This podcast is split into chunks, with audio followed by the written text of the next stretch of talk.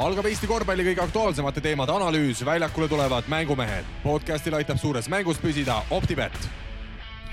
tere, head kuulajad ja ilusat nädala algust äh, teile kõigile, kes te meid siis parasjagu kuulamas olete. järjekordne mängumeeste osa teie kõrvus ja, ja endiselt äh, siin Manta maja stuudios Vabaduse puiesteel, mina Siim Raudla ja, ja minu kõrval endiselt äh, spetsialisti rollis Kristo Saage. ja tervist kõigile kuulajatele ja jah, eks ma jah, spetsialist olen kõva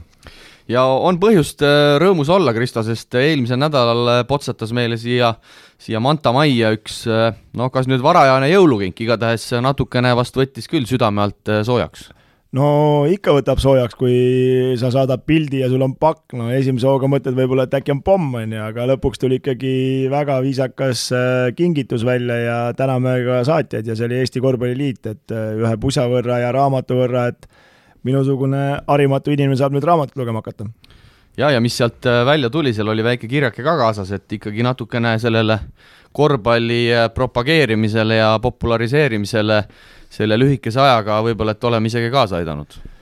no seda me ju üritame, et äh, selles mõttes, et väga viisakas tunnustus ja noh, ma ei tea, kuidas seda nüüd mõõta või teha, aga ju läbi spordiinimese me enda arust oleme ja kossu me armastame ja seda me püüame nii hästi, kui me oskame kajastada ja teha, et et see on väga meeldiv kingitus, et nüüd võiks väike lumi ka veel tulla ja kingitusi muidugi ootame kõigilt, et, et saad ka aga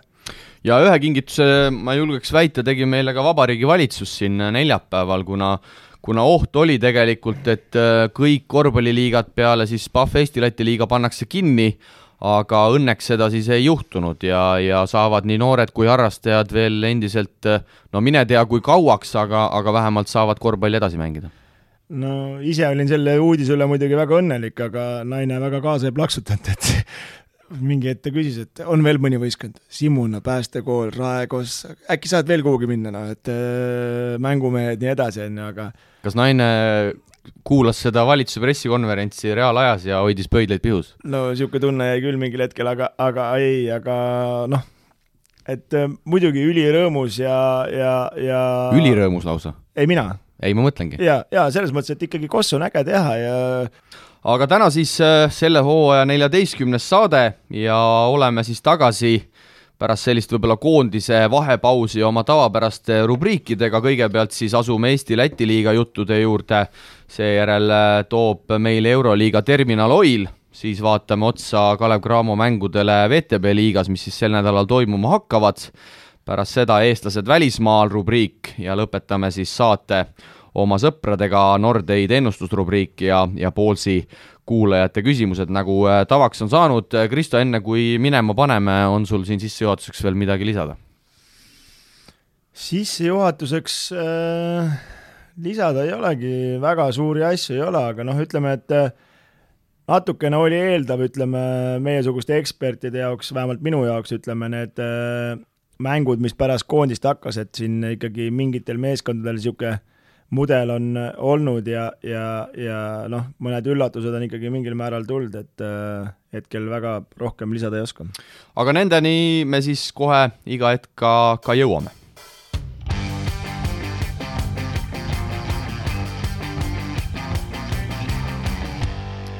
Eesti-Läti ühisliiga ja järjekordne mängunädal tuli siis äh, Pahv liiga tagasi ligi kümnepäevaselt mängupausilt, kui, kui Eesti koondis siin Saku Suurhallis oma, oma mulli pidas ja, ja kohe kolmapäevalt siis äh, Krista kolm mängu. hakkame algusest äh, pihta, Kalev Cramo, Tartu Ülikool, Max ja Moorits äh, sada kümme, nelikümmend kuus. Ehk siis kuuekümne nelja punktiga võidab Eesti valitsev meister Tartu meeskonda minu esimene küsimus sulle, kas tõesti siis William Reimanni roll oli nii suur ja Tartu äh, kaardi, kaardimajake on kokku kukkumas?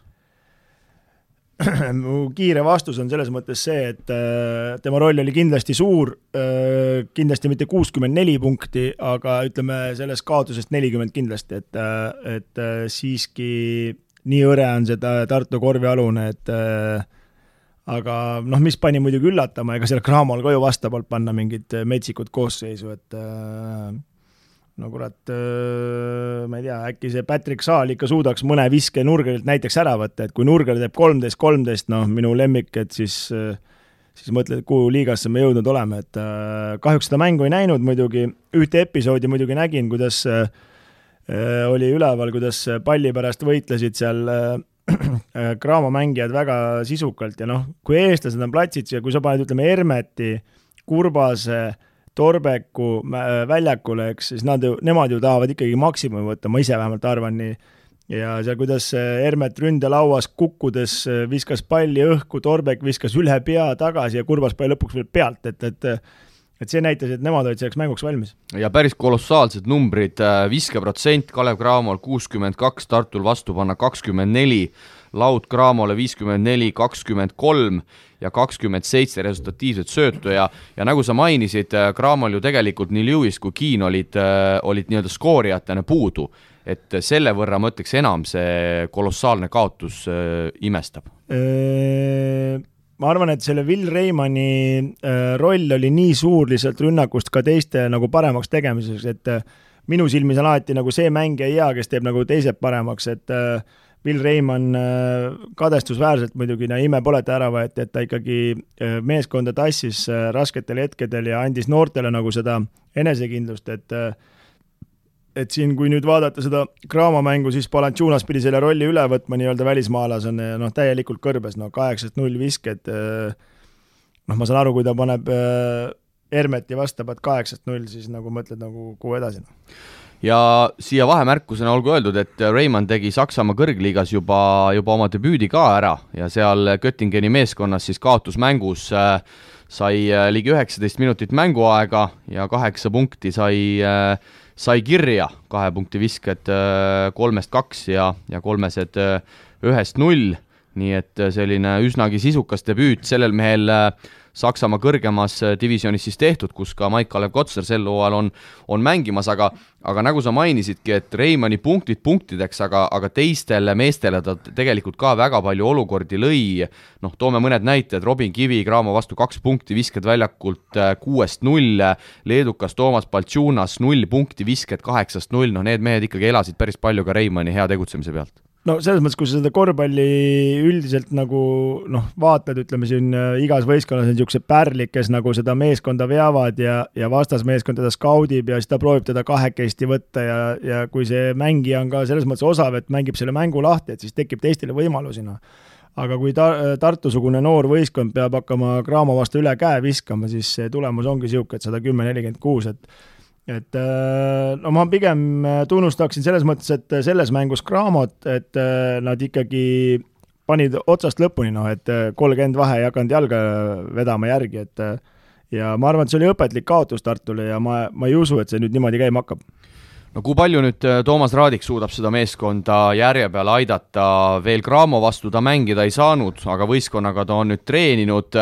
me salvestame tänast saadet siin pühapäeva päeval, ehk siis äh, nii-öelda seda pühapäeva õhtust Rapla-Tartu tulemust me veel ei tea, aga näed sa, et Raadik suudab sinna käigu juurde anda ja miks mitte võib-olla isegi Reimanni saapad, suured saapad ära täita? tahad ausat vastust? jaa. jah, null null tõenäosus, et äh, Raadik selle kohe ära täidab ja, ja, ja no ma ei tea, minu isiklik arvamus, äh, mitte mul ei ole midagi Raadiku nagu mängija tüübi vastu või selle mõttes, aga ma arvan, et ta ei sobi Tartu võistkonda. et, äh, et ta on niisugune mees, kes tahab palju palliga tegeleda, ta ei ole väga katete tegija, musta töö tegija, et et ta kindlasti hiilib seal mingi kuus-kaheksa punkti ära keskmiselt mängus, eks on ju, aga, aga et ta seda võistkonda paremaks teeb äh, raske uskuda ja no ma arvan ikkagi, et äh, kõigepealt peame vaatama seda, et ta ju tegelikult sisuliselt pole ju, ma ei tea, üle poole aasta mänginud, noh. ja pigem ikkagi äh, mees, kellele peab olukordi looma, mitte nagu ja. Reimann, kes võttis ja tegi ei, seda kindlasti ja, ja, ja ma selle uue Tartu Musta nimi mul juba jälle meeles ei ole, nagu ikka on ju, aga aga, aga ütleme, et need Robin Kivid ja need ei hakka selles mõttes äh, looma olukordasid, ma arvan Äh, Raadikule, et äh, seal ikkagi ma, ma pigem arvan, et äh, seal läheb tal raskeks, aga, aga no loodame parimat, ikkagi Eesti poiss ja tunnustame selles mõttes Tartut, et ta korjas ta üles, et ta ei jäänud nagu kuskil jälle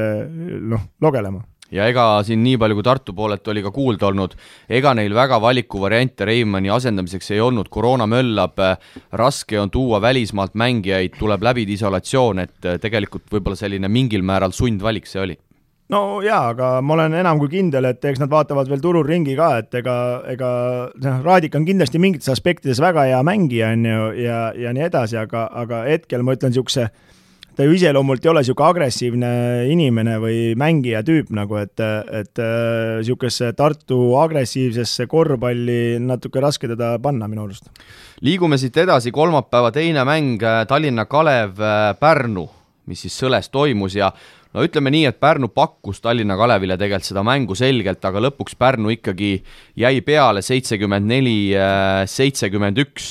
ja Tallinna Kalevi siis ütleme, kõige värskem täiendus äh, Austin äh, Dwight Wrighton, kes siis tuli Kadrina Karude meeskonnast, äh, selle mehe arvele tuli ümmargune nullvisked neljast null ja teades, et see mees on katseajal, siis kas ootab kiire tagasitee Andres Sõbra juurde? Hea küsimus, ja on tead-, seda mängu ei näinud kahjuks, ainult nii palju, kui põgusalt statistikat ja asja vaadanud, et Müürsepp on tagasi. Kalle pani asjad paika, Müürsepp on nüüd jälle peatreener ja, ja no meeskond võitles, et tulemus näitab, et võitles, et ei olnud nagu läbikäiguhoov, seitsekümmend üks, seitsekümmend neli, aga jäi kõlama nii Rannula sõnadest, et pigem nagu Pärnu ise nagu tekitas need olukorrad, et pallikaotusi metsikult. kakskümmend kolm siis, jah? ja, ja, ja Maksu, no ta noh, ei näinud seda mängu, et ei oska öelda, aga Rannula jutu järgi oli see nagu niisugune C-klassi pallikaotused, et lihtsalt annad vastasele, et et aga kui tulla selle Kadrina poisi juurde, siis äh, reedel mängisime Kadrinaga Raekossus ja võitsime ja läksin pärast minema, siis ma äh, kohtusin äh, väljudes vastaste mänedžeri Tribuntsoviga, küsisin, et kas Vraiten tuleb teile tagasi, ta ütles, et ma ei oska öelda, ma ütlesin talle kohe ausalt ära, et noh, see saab sinuga kindlalt kinni ka Tallinna Kalevist, et mis teete, võtate, ei võta, ta ütles, et ma ei tea, ei hakka rabelema, et nad mõtlevad, et no ei tea, no tõenäoliselt nad võtavad, ma arvan, et kui nad tahavad kuskil mängus olla, et selle Reinari kaeraga nad kaugele ei purjeta. Ja üks hoop siis veel Tallinna Kalevile, Siim-Markus Post minu teada ligi poolteist kuud jääb nüüd väljakult jälle eemale selle põlveprobleemi tõttu, mis tal oli tegelikult ka enne seda koondise pausi, ma nüüd ei tea, kas ta seal koondises tegi endale liiga, aga kui me arvestame seda, et Ross ikkagi äh, teadaolevalt pärast karika Final Fouri lahkub, siis jääb sinna tahaliini, ütleme mõneti ootamatult päris suur tühimik. No hullemaks minna ei saa Tallinna Kalevi vaatevinklist selles mõttes, et ega lõpupoole nad võitlevad ja ainult paremaks saab minna, et eks siin äh, hakkab tulema võimaluste piires Tallinna bussijaama jälle neid äh, mängijaid ja, ja hakkavad sealt valima, et äh, noh, kindlasti hetkel on ikkagi nii palju harjutud, et, et kui vastasvõistkond Rossi kinni ei saa ja teised suudavad ka sekundeerida, siis Tallinna Kalev võidab, aga üldiselt on ikkagi hetkel Rossiga enam-vähem hakkama saadud, kui jätta see imemäng äh, Raplaga välja, et äh, ta ei ole nagu võistkonda nii palju paremaks suutnud teha, nad on mängus küll olnud, aga nad pole nagu võite ära noppinud.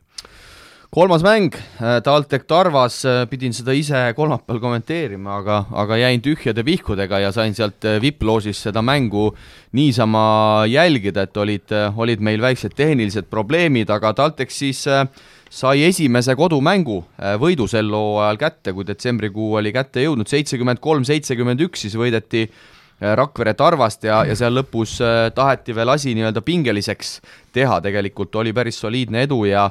ja seal, seal nii-öelda läks veel põnevaks, aga lõpuks siis Tanel Sokk, keda me siin läbi karjääri teame otsustavate visete mehena, siis ikkagi otsustas selle asja ära. jah, et see oli ikkagi päris äh, noh, ütleme nii, et äh, kui nüüd numbrite järgi vaadata, siis tank, TalTech on oma mängumootori käima saanud ja kui ma ei eksi, siis võiks rekord olla seitsekümmend kolm punkti sel hooajal või?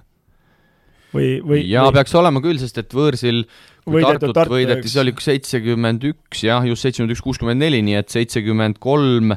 on äh, suurim punktide arv, sul on täitsa tuline õigus. jah, et äh, Tarvas ei saanud TalTechi rünnakut kinni, võiks öelda poolnaljaga pooleks, aga, aga tegelikkuses äh, ütleme ausalt, et no ma ei tea, tulemust vaadates ja mängupilti vaadates, siis äh, ma ei imestanud selles mõttes, et Tarvas selle mängu ära käkib, aga, aga et, et nad ikkagi niimoodi selle nüüd seitsekümmend kolm, seitsekümmend üks kaotasid, et äh,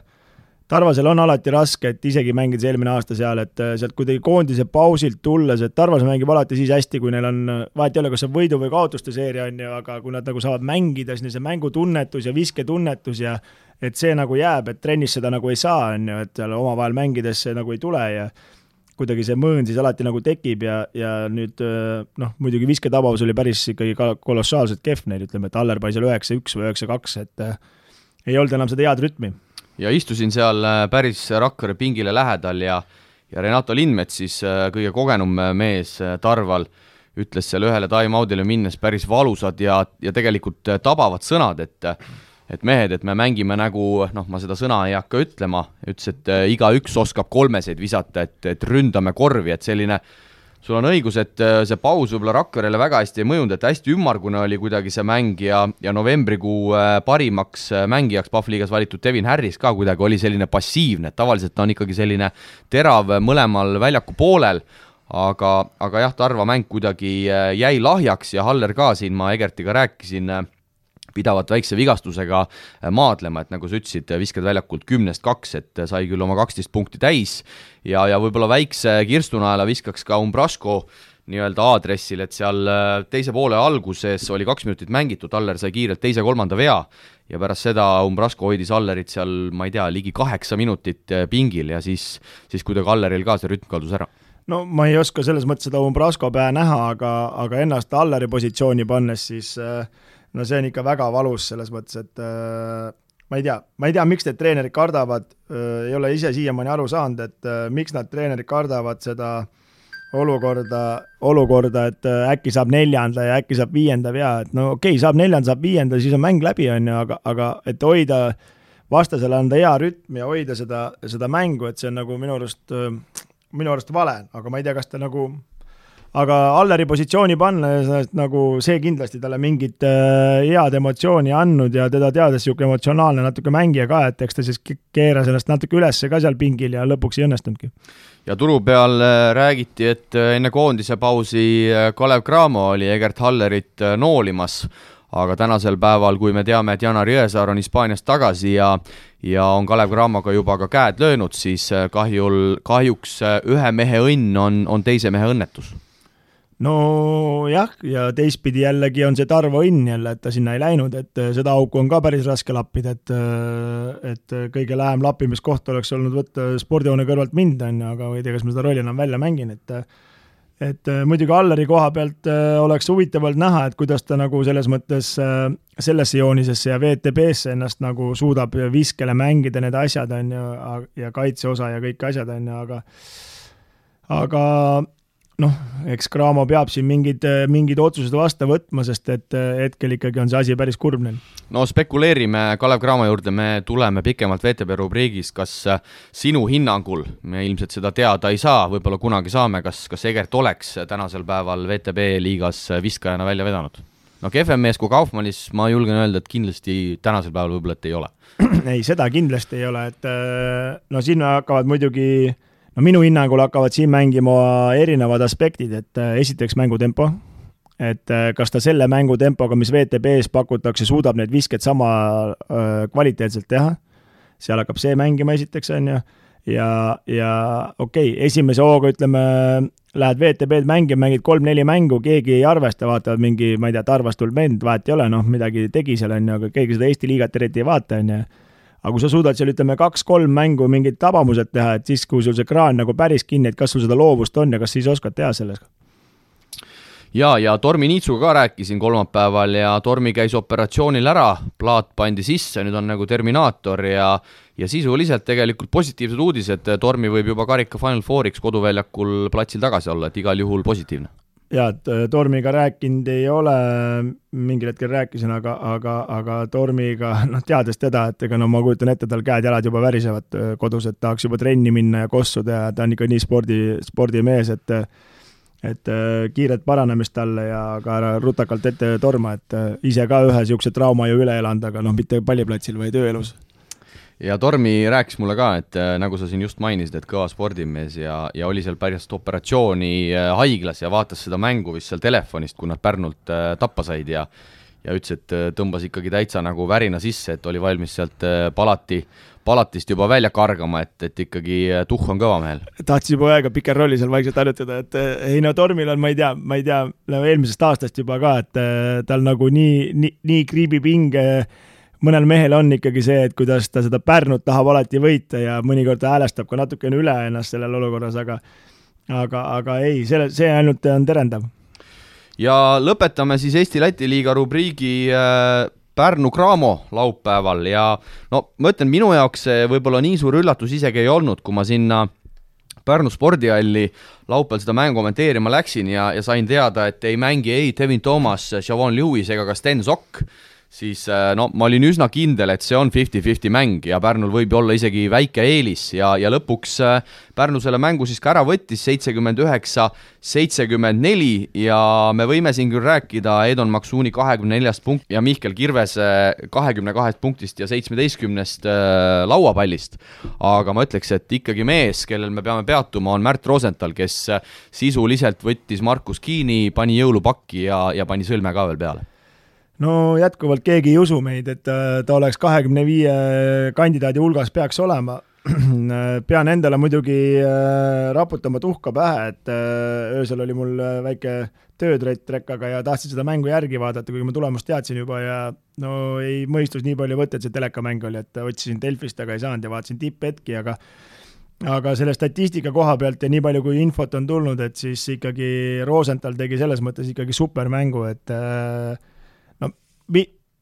isegi mängisime sel aastal korra nende vastu Raekossuga, okei okay,, see ei ole see tase, vaata. aga kui ta sind kattis, on ju, siis sul oli kogu aeg nagu tegemist, et sa ei saanud nagu ühtegi hetke nagu vaba olla või noh, ta ikkagi võitles kogu aeg ja ta, tal kuidagi see nina on äh, õigetes kohtades ette minna ja ikkagi, kui sa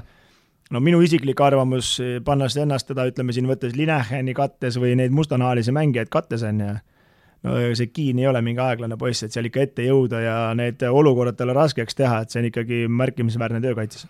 ja sinuga siin enne saadet äh, arutasime ka, et tegelikult äh, ega Märdi selline füska, füüsiline pool ei olegi võib-olla nii kõva, aga nagu sa tabavalt ka mainisid, see, see mängutunnetus ja nina nendele olukordadele, et, et ennetada neid kehapetteid ja ennetada neid käevahetusi nendel ründamängijatel, et äh, see on ikkagi päris kõrgest klassist jaa, et eks äh, Märt niisugune minusugune elusugu, elu, elupõletaja vend ja elumees on, et äh, kui nüüd äh, ausalt välja öeldes, et aga nüüd, nüüd lihtsalt nagu mehele soovitaks nagu külma pead ikkagi sellest korvpallikarjäärist võtta, proovida võtta maksimum, et kolmekümneselt arvata, et oleks võinud kahekümne kaheselt see, neid asju nii teha, et see nagu enam ei toimi, et hetkel see Eesti liiga on ikkagi, oleme ausad, ikkagi suhteliselt sitt, et tal on ikkagi võimalus siin ennast korralikult pildile mängida, et nüüd Rannul on teda siin äh, Füüskaga kõvasti minu arust nagu järgi aidanud ja mängu lugemist ja ta on hästi nagu rütmi sinna sisse saanud, et et ma ainult äh, loodan, et ta nüüd siit äh, tõestab Tartu omadele, et see oli vale, aga noh, eks siin telgitagustel on teada ka, miks see nii juhtus, on ju, aga, aga, aga seda me ei hakka siin lahkama.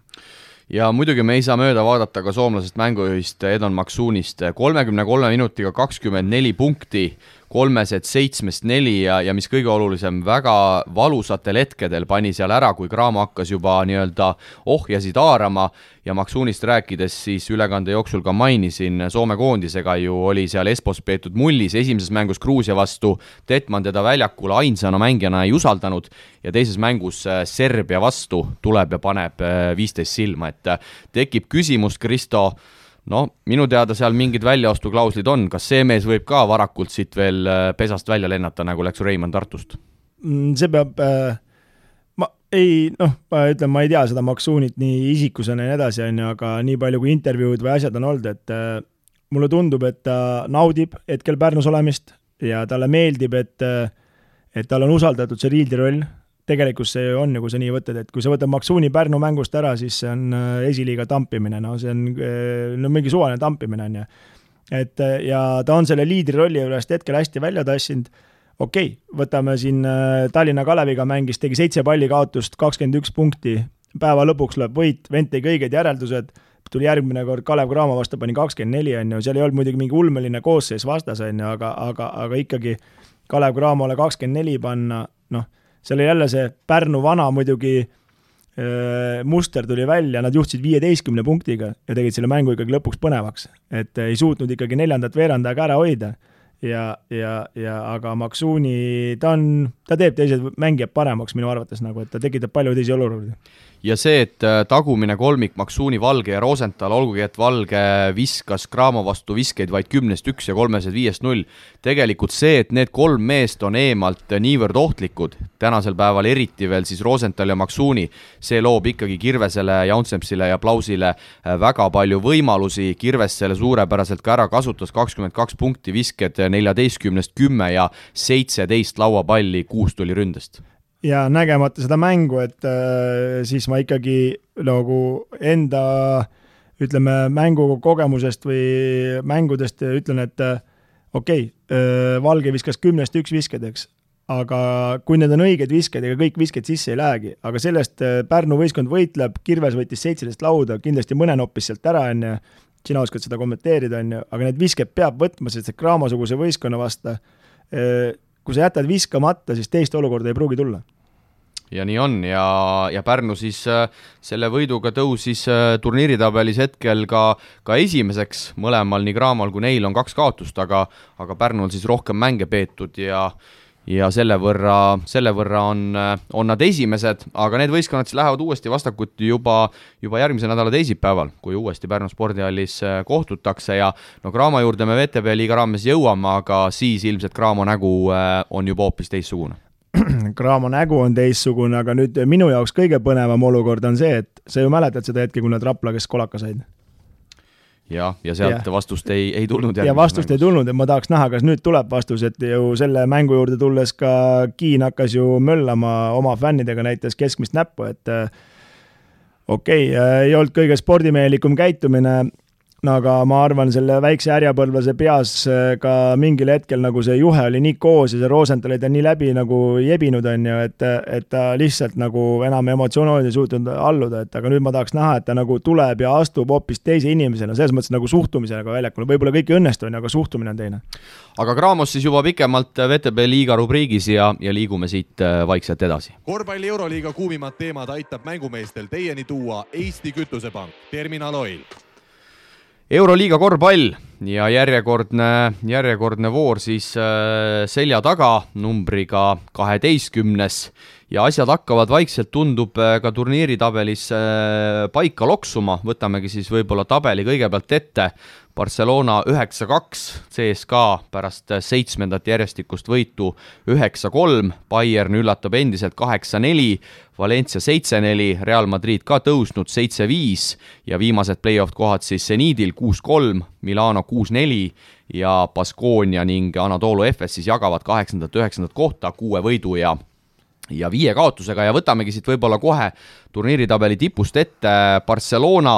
selle nädala mäng, Sarunas Jassikevitsus tagasi Kaunases, Kaunase poiss, Kaunases sündinud, nagu ta ise on rääkinud, juba väiksena käis vanematega mängudel ja ja on öelnud ka, et see võistkond jääb elu lõpuni tema jaoks kõige kõige olulisemaks äh, meeskonnaks ja, ja mindi ja, ja tehti ikkagi ära, võeti Marius Grigonis äh, Abrinese ja Adam Hanga poolt maha ja sellega sisuliselt Žalgirise mäng ka mängitud oli. noh, sa vaatasid seda mängu? jah. ja et äh, no ma ei tea, ilusast korvpallist oli ikka asi väga kaugel, et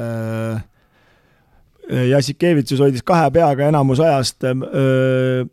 peas kinni, et äh, need asjad, mis ta nagu oli tahtnud nendelt mängijatelt äh,, ei, ei nagu ei toiminud, aga nagu lund tuppa ka ei tulnud, et niisuguse äh, koleda mänguga ja no Barcelona tegi kakskümmend neli või viis või mis palli kaotust, et see on ikkagi niisuguse võistkonna ja klassi kohta ikka liiga palju. ja Žalgiris siis sai vaid kuuskümmend kaks punkti punkti kirja tolles mängus Barcelona seitsmekümne kolme vastu ja, ja nagu sa tõesti mainisid, Barssalt kakskümmend neli palli kaotust, Galates võttis nendest endale seitse, aga sinna Galateselt kõrvale ka ka kümme resultatiivset söötu ja, ja noh, Kail Kuric muidugi Barcelona poolelt äh, jätkab müstiliselt nende kolmeste tagumist äh, kahekümne üheksast kakskümmend ja protsent kuuskümmend üheksa senise üheksa mänguga. Žalgirise vastu siis ütlen ära neljast kolm ei no tema nagu selles mõttes täidab oma rolli perfektselt, et äh, see tema roll on, et äh, aga noh, seal ikkagi äh, seda mängu vaadates seal mängu, ma arvan, võtmemoment oli see, et kui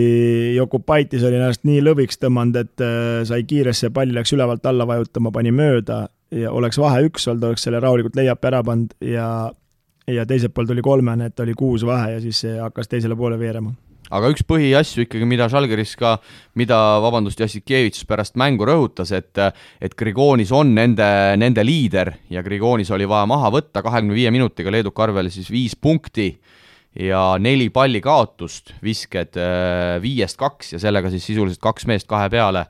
Adam Hanga ja, ja Alex Abrines, Barcelona kaitsespetsialistid äh, hakkama said, Hanga ise viskas küll vaid viis punkti ja Abrines arvele kuus punkti, aga aga kaitse poole pealt äh, need mehed tegid, tegid omad jutud ära, aga Moskva CSKA siis, äh, nagu ma ütlesin, seitsmes järjestikune võit tuli siis koduväljakul Piirose olümpiaakose üle ja, ja seal mängus läks päris tuliseks, kui kui olümpiaakose peatreener Georgios Partsokas saadati siis äh,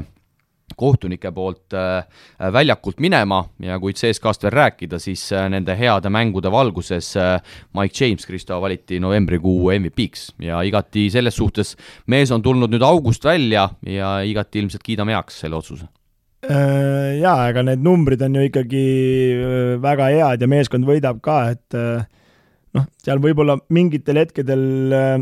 CSKA-l on võidud tulnud ja ka mingitel hetkedel lihtsalt tekib küsimus, et, et kuidas neid restsööte ei tule, et kõik on nii individuaalne, et kas tõesti nagu natuke nagu meenutab NBA-d, et mehed kadestamisväärselt panevad, et siin mingi mäng oli neli söötu, siis küsiti selle Ituudise käest, et äh, neli söötu ainult võistkonna peale, siis ta ütles, et selle peale, et äh, ega,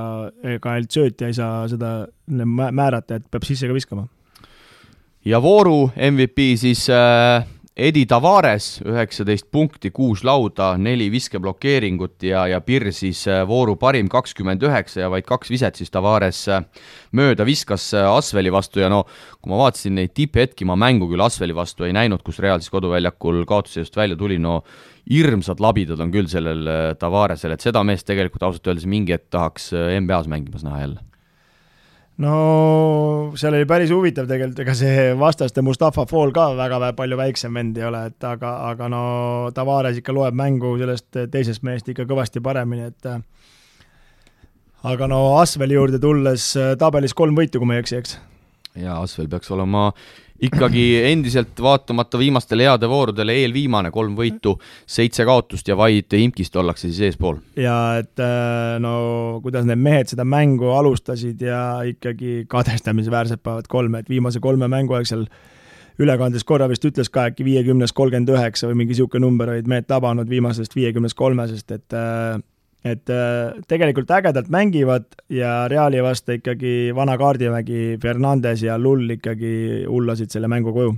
ja Asvel mängis siis ka teisipäeval ära jäänud kodumängu Ateeno Panathinaikosega ja võideti suurelt üheksakümmend seitse, seitsekümmend kolm ja ja kui sa Asveli kolmestest rääkisid, siis Panathinaikose vastu kahekümne neljast seitseteist protsent mängu peale seitsekümmend koma kaheksa, no sellist asja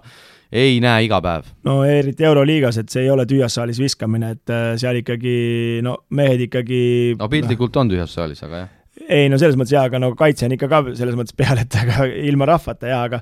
aga no vaatad neid viskeid ka, et siis äh, otsivad, teevad, usaldavad üksteist ja see tiimivärk on nagu hea, aga lihtsalt hetkel äh, ütleme, Euroliiga tase ikkagi on grammike kõrgem, et seal ikkagi päeva lõpuks loeb mängus võit, et need ilusad kaotused ei ole midagi ja Bayern siis ka ikkagi püsib seal eesotsas, hetkel kolmandal kohal siis kaheksa võidu nelja kaotusega ja siin Trincheri andis ka väikse intervjuu pärast seda, seda eelmise, eelmise nädala võidumängu Himki üle, kes, kes kuidagi oma asju käima ei saa ja ja Trincheris ütles, et Bayernil on detsembris kümme mängu, et äh, ka päris, päris korralik, et ütles, et ei taha selle peale mõeldagi, et kui hakkab mõtlema, siis tuleb äh, isu veini järgi nojah, et see Itaalia pitsapoiss, et niisugune rõõmus pitsapoiss, et aga mulle meeldib nagu, vaatasin selle Bayerni imki teise poole ära, noh, lõpp oli muidugi legendaarne ja Swed keeras üksi jälle nahka selle kõik, on ju, aga nagu mitmendat korda juba sel hooajal, aga Bayerni puhul nagu, mis nagu sümpatiseeris, oli see, et võistkondlikult mängivad, otsivad, teevad ja, ja ühtegi hetke nagu verest välja ei löö, isegi tagasi ol-, taga olles, et nad eh, nagu usaldavad üksteist ja lõpuks on need võidud toonud, et eh, et seal vahepeal see Lucis on seal ikkagi suhteliselt nagu liidri rollis ja vahepeal ka oli nägu niisugune, et no mehed, mida te teete, no et andke pall mulle, aga õigel hetkel pani jälle nurgas kolmes ära ja otsustas selle mängu ära, noh. ja Bayernile tuli siis uudis, et tuleb jõudu juurde, vanameister äh, James Kist ja DJ Sealy on Bayernisse tulnud ja, ja Malcolm Thomas siis äh, poolte kokkuleppel on, on lepingu lõpetanud, et äh, tegelikult Kist, keda me ju aastaid teame siin ka, eelmisel hooajal oli ta Svernas Vestas ja pikalt Ateena Panathinaikoses, et äh, võiks sinna korvi alla tegelikult jõudu veelgi juurde tuua. Jaa, ma arvan, et ta sobib sinna punti ka, ega seal muidugi suvalt ei võeta ka neid mehi ja raha on, mida maksta, et, äh, et ta on niisugune ka töömees ja käib lauas ja no niisugust joonisesse ma arvan, et sobib, et noh, Bayern on ikkagi suur üllataja, ütleme siin tabeliseisu ka vaadates, et ta ikkagi kindlalt hoiab hetkel ju kolmandat kohta ja, ja, ja kui selle tabeli juurde veel tulla, siis ikkagi need kaheksa võistkonda, mis sa ette lugesid, Barcelona, CSKA, Bayern, Valencia, Real, Zenit, Milano, Baskonia, et äh, sealt ärakukkujatest ma arvan, võib-olla võikski olla Baskonia, et äh, Salgeris, Venerbahce, Maccabi ja Baskonia, need nagu jagavad selle viimase play-off koha, et ma ei usu, et Milano ära kukub, neil ikkagi seda klassi on, et muidugi käkerdasid selle voorus, selles voorus jälle ära, noh ja Maccabi sai ka siis äh, reele tagasi, kui nii saab öelda, neljapäeval Zvestat kodus, äh, no mitte kergelt, aga võideti kaheksakümmend üks, seitsekümmend kuus ja ja Omri Kaspi siis äh, pikaaegne Iisraeli koondise mees, ka pikalt NBA-s mänginud, tegi oma debüüdi sel hooajal pärast siis väga pikka vigastust ja, ja Scotti Wilbekin kakskümmend kolm punkti ja Elijah Bryant seal olulisi kolmeseid äh, lõpus pani ja, ja ehk nüüd Maccabi saab ka minema, seal mängijad ja treener peale mängu ütlesid, et seda võitu oli nüüd hädasti vaja ja, ja tegelikult ju ei ole kehvasti mängitud, aga on tõesti õnnetuid kaotusi saadud. jah, et vaatasin selle mängu ka ära ja, ja ütleme nii, et äh, müts maha Cervenas Vestajas, et ikkagi segavad seda vett ikka korralikult ja ja no seal mingitel hetkedel oli juba vahe päris suur, äh, Euroliiga mõistis mingi kümme pluss punkti, aga siis võitlesid tagasi ja Lloyd muidugi tegi ka seal imelist mängu ja ja Wilbeckiniga seal võidu panid ja aga lõpuks jäi ühest nurgast, teisest nurgast, Bryant pani kolmesed ja siis lõpuks pani ühe veel kuskilt ja kolm kolmest ja oligi see mäng otsustatud. No räägime, räägime Himkist ka, Himki siis äh, endiselt seal tabeli lõpus vireleb kaks võitu, üheksa kaotust, see annab kaheksateistkümnenda koha ja ja siin ikkagi nädala, eelmise nädala keskel spekuleeriti ka juba meedias selle üle, et Kurtinaitis on kinga saamas, no nüüd on kõik mehed tagasi, ma vaatasin, Jovitš juba mängis, äh, Jerepko tagasi, Puhker tagasi ja ja no ei tule kuidagi, Swed, nagu sa ütlesid, käkerdas jälle lõppu ära, McCollum null punkti, visked neljast null, noh, see ei tohiks ka nagu päris päris nii olla, et enam sisuliselt vabandusi ei ole, et kogu see staaride plejaad on terveks saadud, terveks ravitud, nüüd peab hakkama tulema või sa arvad, et Kurtinaitis ikkagi lendab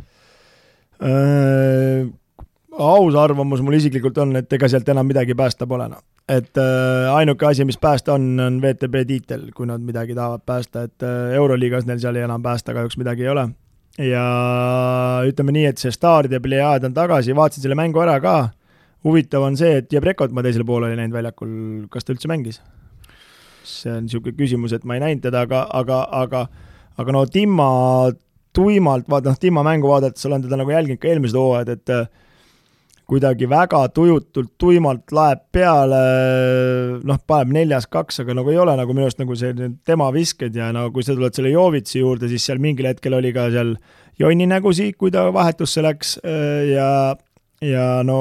ma ei tea, ise oled ka treener, et äh, kuidas sulle tundub, et äh, saad selle võistkonna nagu ühe, ühelt rütmilt panema, kui mingi üks päev tuleb üks mees, suurem staar kui teine, on ju,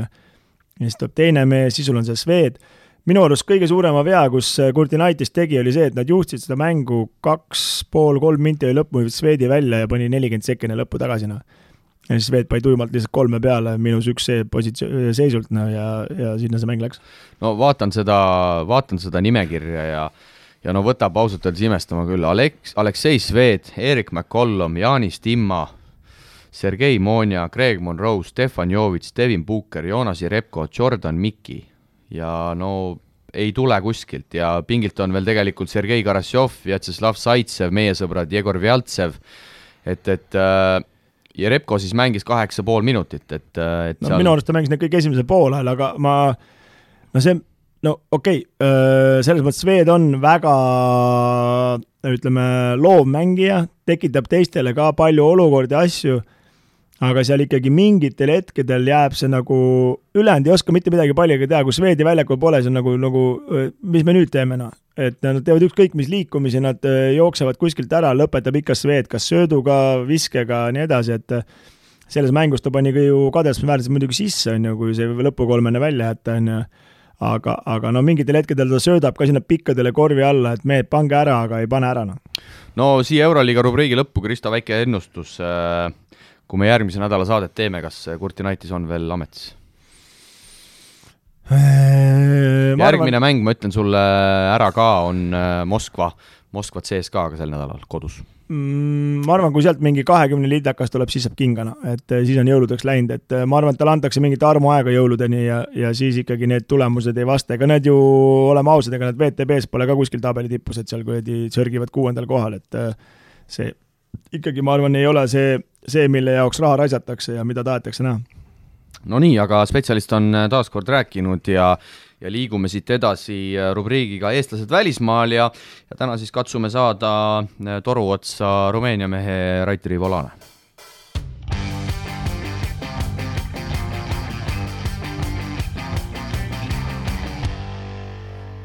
ja tänased äh, eestlased välismaal rubriigis siis võtame kauge kõne Rumeeniasse, kus Mercurea meeskonnas sel hooajal pallimas Rait Rivolane. tere, Rait! Tere, Siim, tere, Kristo! jaa, tere, Rait, et äh, ma küsin kohe esimesena küsimuse ära, et meil siin äh, oli ka Eesti Pahvliga rubriigis oli väike arutelu, et kas Toomas Raadik veab välja Tartu Ülikoolis äh, Maxi Mauritsas, siis no minu aus vastus oli, et ei vea, et küsin kohe sinu käest ära, et kas on nii kehvas vormis, et sai kinga äh,? ma arvan, et ta nii kehvas vormis nüüd ka ei ole, et, et ma arvan, et Tom nagu Eesti liigas saab ilusti hakkama et äh, sa lihtsalt, lihtsalt ei sobinud võistkonda nagu, et ma lihtsalt arvan isiklikult seda, et ta nagu Tartu rütmi ka nagu võib-olla ei sobi, et et äh, küsin ka jätkuküsimuse, et äh, mis stiili see Rumeenia liiga nagu mängib, et kas see on kiire korvpall, niisugune äh, jõuline korvpall võrreldes Pahvliigaga? no ta pigem on ikka jõulisem, et kehad on ikkagi oluliselt suuremad igal positsioonil siin Rumeenias, et et noh, Eestis näiteks äh, Tom võib ju vabalt viie positsiooni mängida, et äh, aga no Rumeenia liigas oleks ta nagu puhas neli selles mõttes.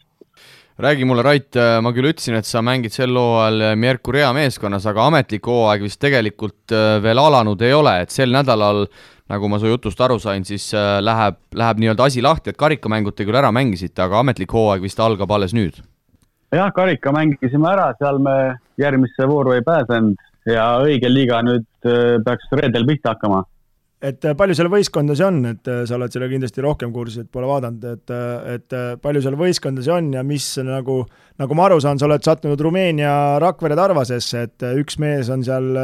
käseb pool peal laseb, et, et mis seal nagu mehel enda peas toimub, et kuhu te peaksite paigutuma seal tabelis? ah,. täpselt, selles mõttes on sul õige info, et ma ei tea, kas sa nüüd oled hakanud mingit kodutööd tegema, et tavaliselt sa ju midagi ei tea ega ei vaata no ma lihtsalt eh, noh, sisetunne nagu ütleb, et seal see asi nagu on natukene lippadi-lappadi. ei, et selles mõttes jah, sul on õige info, et meil on siin see treener on nii-öelda kõiketegija, et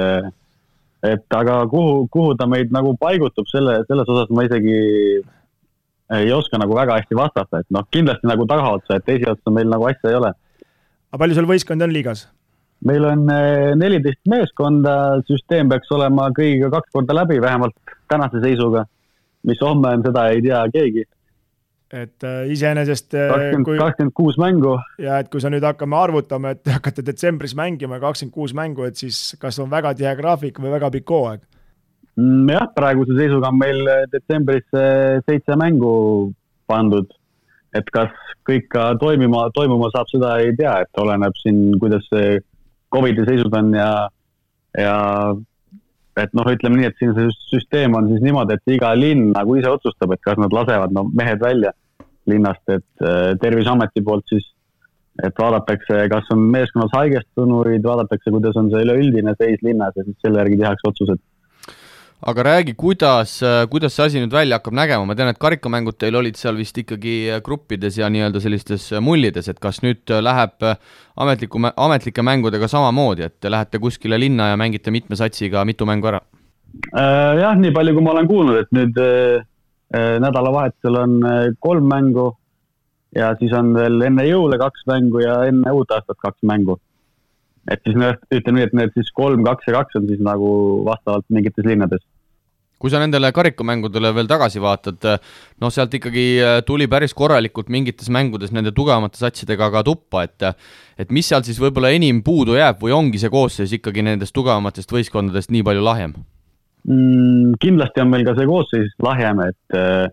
see on kindlasti üks osa, teine osa on see, et me olime mänginud ainult kaks sõprusmängu enne, enne seda karikaturniiri. Et teised meeskonnad olid seal kõvasti rohkem mänginud, et meil, meil ei olnud nagu võimalust selleks. ja pluss veel igas mängus me tegelikult rünnakul mängisime erinevaid asju, et me proovisime, harjutasime mis asjad võiks toimida mis ei võiks toimida ja siis me seal vahepeal ka rongi alla jäime, et et noh, ütleme, ütleme nii, et me, me tegelikult nagu päris nii kehvad ka ei olnud, aga samas see klassivahe on ikkagi tegelikult tuntav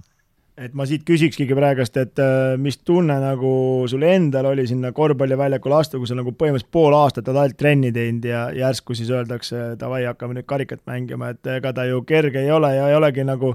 loogiline eeldada, et nüüd kõik perfektselt käima hakkab jah, et eks ta keeruline on, aga selles mõttes, selles mõttes õnneks, õnneks see korvpall on ikkagi, ta nii kiiresti ka nüüd ei muutu, et üldse nagu ree peal ei suudaks hoida ennast seal. Et eh, see tunnetus tegelikult, ma arvan, tuleb tagasi suht kiirelt. aga sa tunned ennast nagu võistkonnas suhteliselt kindlalt, eh, et sul nagu hetkel jõuludeks eh, koju tuleku piletid pole veel antud? ei julge, ei julge selle kohta nagu midagi öelda, hetkel on okei okay,, aga aga noh, nagu on näha, et kui siin ühe kehvema turniiri teed, siis võib-olla hakkavad pead lendama, et, et selles mõttes äh, nagu midagi paika, paika panevat ei saa öelda.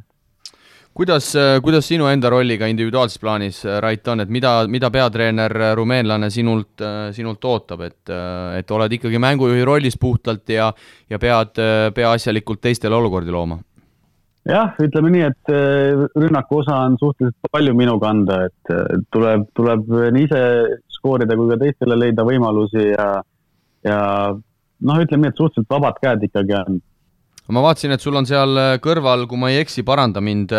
kanadakas, sloveen, leedukas ja ameeriklane, et räägi, mis meestega tegu on, mis tasemel need teised välismaalased sinu hinnangul on, võib-olla kui sa võrdled siin jälle selle Pahv, Pahv liigaga ja ütleme, Rapla hooaegadega. No suht keeruline on öelda, et ma, ma ei tahakski selle ühe turniiri pealt kellelegi mingeid nagu järeldusi panna, et me kõik istusime ka karantiinis ja, ja see, mis me nagu trennis teeme, et et kuna meil see ping on lühike, ehk siis nende noortemate meeste vastu trennides ikka kõik äh, skoorivad nii-öelda siis, eks, ja ja et noh, vaat-, vaatame need esimesed mängud ära ja noh, aga üleüldiselt äh, ma arvan, et kõik on ikkagi mehed, kes äh, võiksid siin liigas nagu hakkama saada.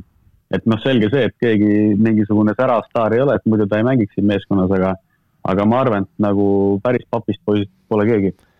aga üldiselt äh, selle, ütleme selle klubi organisatsiooni ja asja poolelt, et asi hetkel nagu toimib ja mingeid äh, negatiivseid tagasisidemeid pole sul?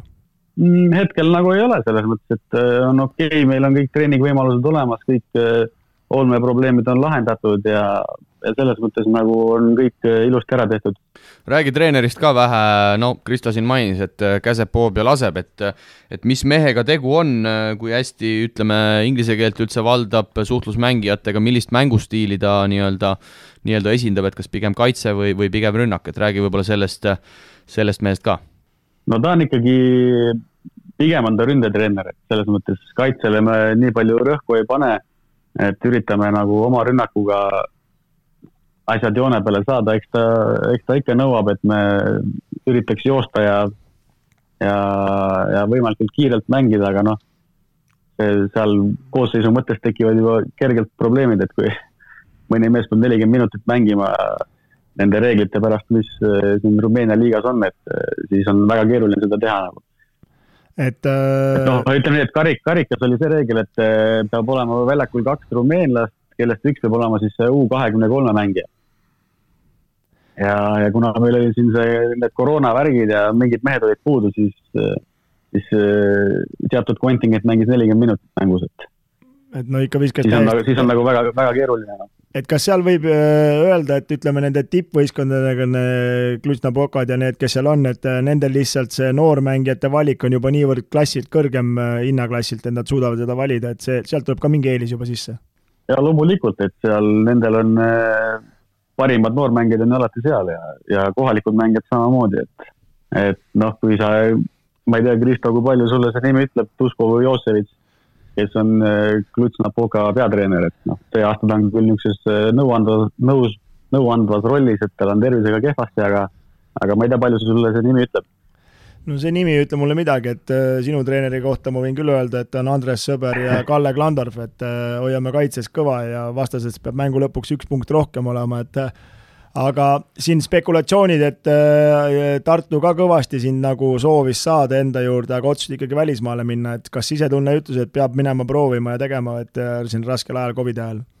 Äh, jah, selles mõttes, kui, kui nüüd mõelda selle peale, et kui palju mängijaid on maailmas, kes oleks tahtnud seda kohta endale saada, mis mul praegu siin võimalus anti. et selles mõttes sellist võimalust ei pruugi iga päev või iga aasta tulla, et minu nagu see eesmärk siia tulles oligi see, et kui ma teadsin selle meeskonna taset nii-öelda, ma teadsin, mis siin toimub, et noh, Rumeenia suunal on eestlastel päris lihtne kodutööd teha, et et minu eesmärk oligi see, et kui ma suudan endale niimoodi mängida, et mul tekib järgmine aasta uuesti võimalus siia liigasse tulla mõnesse teise meeskonda kasvõi, et siis on see aasta nagu õnnestunud olnud. Et no ise olen Rumeenias käinud põgusalt ka Euro Challenge'it mängimas ja, ja, ja koondisega ka vist, kui ma ei eksi, korra sain käidud, et et no kuidas seal need saalid ja need olukorrad on, et ma mäletan küll, et seal ikkagi päris ikkagi nii-öelda külasaalides sel ajal mängisime, see oli muidugi viis-kümme aastat tagasi, kui sa veel lasteaias käisid. jah, ei tegelikult noh, meil, meie saal on väga korralik, et äsja just renoveeritud ja, ja kõik on okei okay,, et et teiste saalide kohta ma ei oska nii palju rääkidagi, Oradea-s on muidugi ju väga okei saal, et nad mängivad seda eurosarja ka, mis FIBA Eurocup on. et nendel on ka okei saal seal ja noh, nii palju on ainult keeruline, et eh, eks see teedevõrgustik on nii, nagu ta on siin, et siin sadat kilomeetrit läbime vahel kaks tundi, et noh. ja et mul kohe meenub selle Reinari jutuga ka, et, et eh, ikkagi see eh, ütleme, bussisõit ja saja kilomeetri läbimiseks on seal ikkagi päris keeruline ja ka vist magama väga ei jää, eks, et ikkagi buss hüppab korralikult ja, aga kas sinu külas hobuseid ka näha on, et Reinar ikka neid nägi tihti? ja ikka on jah, kaarikuga panevad ringi siin ja sõidavad mööda tänavaid ja ja koeri pidi seal ka vist, kodutuid koeri pidi ka vist väga palju olema, et on neid ka endiselt näha? Äh, siin linnas isegi väga ei ole näinud, mingid mõned üksikud, aga, aga noh, me pole väga palju ringiga liikunud, et võib-olla kuskil mõnes regioonis on. et ma mäletan, kui Reinar käis trennis, siis need koerakrõõvuskid olid iga kord taskus, et, et neid eemale, eemale, eemale peletada, et aga räägi võib-olla Toomas Raadiku kohta veel nii palju, et kui palju see nüüd sinu olukorda muudab, et üks Eesti mees kõrvalt vähem ja, ja kas sinu peale võib-olla natukene noh, kas nüüd pahasti vaadatakse, aga, aga mingil määral ikkagi sina, sina teda võistkonda soovitasid? Äh, noh, pahasti minu, minu peale nagu ei vaadata, et selles mõttes äh, mina küll soovitasin, aga mina ju lõplikku otsust ei teinud, et treener vaatas need videod ja asjad üle, et tema selle otsuse nagu tegi. Aga kindlasti selles mõttes muudab, et, äh, et noh, Tomiga koos oli ju siin, koos elasime ka, et siis oli ju vähe lõbusam eestlastega, eestlaste seltsis ja kodust keelt sai nagu rohkem rääkida ja kuidas, äh, kuidas sul jalaga on, ma tean, et sul väike probleem oli, et et sa käisid siin Eestis ka ja, ja kahjuks koondist äh, aidata ei saanud, et, et saad sa ikkagi nüüd nendes esimestes mängudes osaleda, et, et on selles osas äh, asi paremuse poole läinud? ma loodan, et ma saan jah, et selles mõttes ega, ega väga, ega vinguda ei tasu, et noh, ütleme nii, et eriti veel välismaalasena nagu ka Tommi näitel on näha, et eks eks kui siin võib-olla väljakule ei lähe, et siis tuleb uus mees asemele, et võib-olla tuleb natuke pressida, aga, aga jah, no koondise aknaga läks nii, nagu läks jah. et see, seal nagu õnne ei olnud. et, et kui siin jonnima ka veel hakkad ja ei näita sisu, et siis võib hobukaarik olla ruttu ukse ees ja viia lennujaama, jah? ja võib, võib juhtuda. Aga räägi, kuidas siis Hiltonis oli kümme päeva pikutada äh,? ma olin Raplas tegelikult, et ma tegin selle lennujaamast Eesti ära, ma sõitsin äh, Äh, Raplasse koju ära ja siis ootasin tulemust. et äh, Hilt-, Hiltonis ma ei käinudki. aga lõpetuseks veel räägid seal, enne kui sa sinna läksid, siis äh, siin ajakirjandusest käis läbi, et et seal linnas pidi päris külmaks minema, et kuidas, kuidas sul seal on, et me siin flirdime nulli peal Eestis, et, et on seal vähe soojem veel? no ütleme nii, et siin see ilm mängib vingerpussi küll, et üks hommik oli siin meil miinus üksteist, kui hommikul trenni läksin ja siis lõunasöögilt tagasi tulles näitas juba pluss kaheksat, et et ebareaalselt suured on need temperatuuri kõikumised, et kuskil siin mägede vahel ma ei teagi, mismoodi see võimalik on. aga üldjuhul on praegu on ikkagi ka niisugune nulli ümber, et korraks oli lumi maas, see on ära sulanud ja. et läksid hommikul trenni sulejopega ja pärast tulid lühkadega tagasi või? Põhimõtteliselt küll, ma mõtlesin küll, et võtaks jope seljast ära, et mis on siin nagu kubujuss ikka higistad, noh no aga Rait, pane siis igaks juhuks ikkagi visusuusad valmis ja ja, ja mine sa tea, mis saama hakkab, soovime siit Mängumeeste stuudiost sulle igatahes edu, et, et see hooaeg ikkagi positiivselt algaks ja, ja et sa selle vigastuse kiuste ikkagi saaksid ka, ka korralikult esineda ja, ja loodame, et sina ikkagi siis püsid vähemalt hooaja lõpuni seal vastu. noh, aitäh teile ja loodan, et läheb hästi ja, ja Kristo, sulle ka edu, et äkki saab järgmine kord üle neljateist lauaga kätte, et üpris muljetavaldav. no raske selles mõttes, et äh, jah, et ikkagi puhta viskaja treener paneb nagu musta töö tegijaks, et äh, kriibi vinge küll, aga no peab tegema, võiduks on vaja, nagu sa ise tead, võiduks on vaja igasugu asju vahest. sa tead ju küll, et äh, vanuse edasi minnes need positsioonid nihkuvad, et lõpuks oled viie peal valmis seal. ja, ja Vamm tegi viisteist palli kaotust, et ma loodan, ma selleni ei jõua muidugi. see on ka omamoodi omamoodi võlutrikk. olgu, Rait, ole tubli! ja teie ka! Ja sellised siis äh, jutud äh, Rait Rivalanega äh, Rumeeniast, nagu ikka, Rumeenia elu kipub olema, olema meeleolukas, aga, aga vaatame siit, Kristo, veel edasi, mis meie mehed välismaal sel, sel e-, eelmisel nädalal siis tegid, no kurvad uudised tulevad, tundub, et Hispaaniast Martin Paasoja kodumeeskond Real Valladolid kõigepealt sai hooaja teise kaotuse ja nagu siit läbi ka käis korvpall kahekümne nelja portaali kaudu, siis siis vaid üle minuti veidi Martin mängis ja, ja võtsin Martiniga ühendust ja, ja ikkagi lood pidid olema päris, päris pahad, et, et põlv seal läks ja ja nüüd äh, lähipäeval peaks ka see MRT uuring tulema, aga aga andis Martin mulle mõista, et äh, lood on ilmselt kehvad. Ja see on tõesti kurb uudis selles mõttes, et äh, siin Venemaa mängus ka vaadates Paasoja tegemist, siis äh, enesekindlust oli mehel ikkagi kõvasti ja ja no nüüd äh,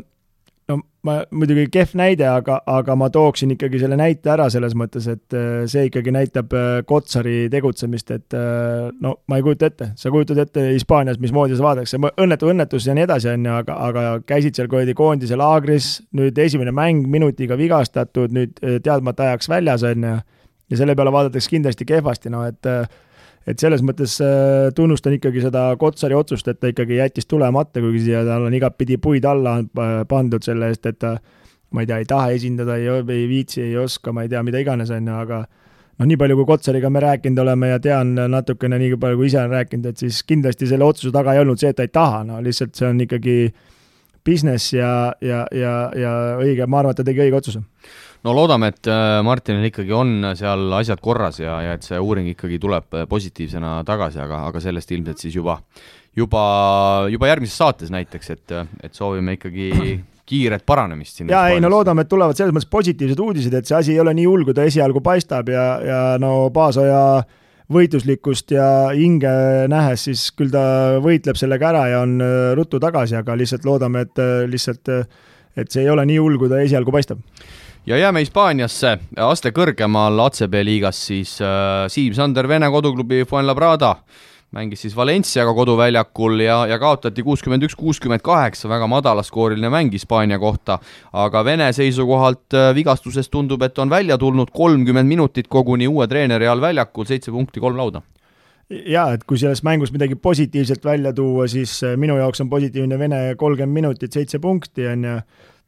pigem on see positiivne, et ta kolmkümmend minutit väljakul püsis ja sinu jaoks on muidugi positiivne, et lemmikvõistkond võitis, jah? jaa, no Valencia siin ka paneb üles-alla, kõigepealt äh, koduliigas võideti Barcelonat, äh, nüüd jäädi Berliini Albale Euroliigas alla ja, ja nüüd siis äh, nüüd siis Fuenlabradat võideti, et eks see tegelikult, see Euroliiga ja koduliiga vahelt pendeldamine võistkondadele mõjub päris korralikult, sest et pärast seda Alba kaotatud mängu Äh, Alba peatreener äh, Garcia ütles ka, et ega Valencial ei ole ka kerge, et kui sa saad sellise võidu Barcelona üle, siis ikkagi see keskendatud, keskendumine natukene jätab soovida järgmiseks mänguks, eriti kui sa lähed võib-olla Alba vastu.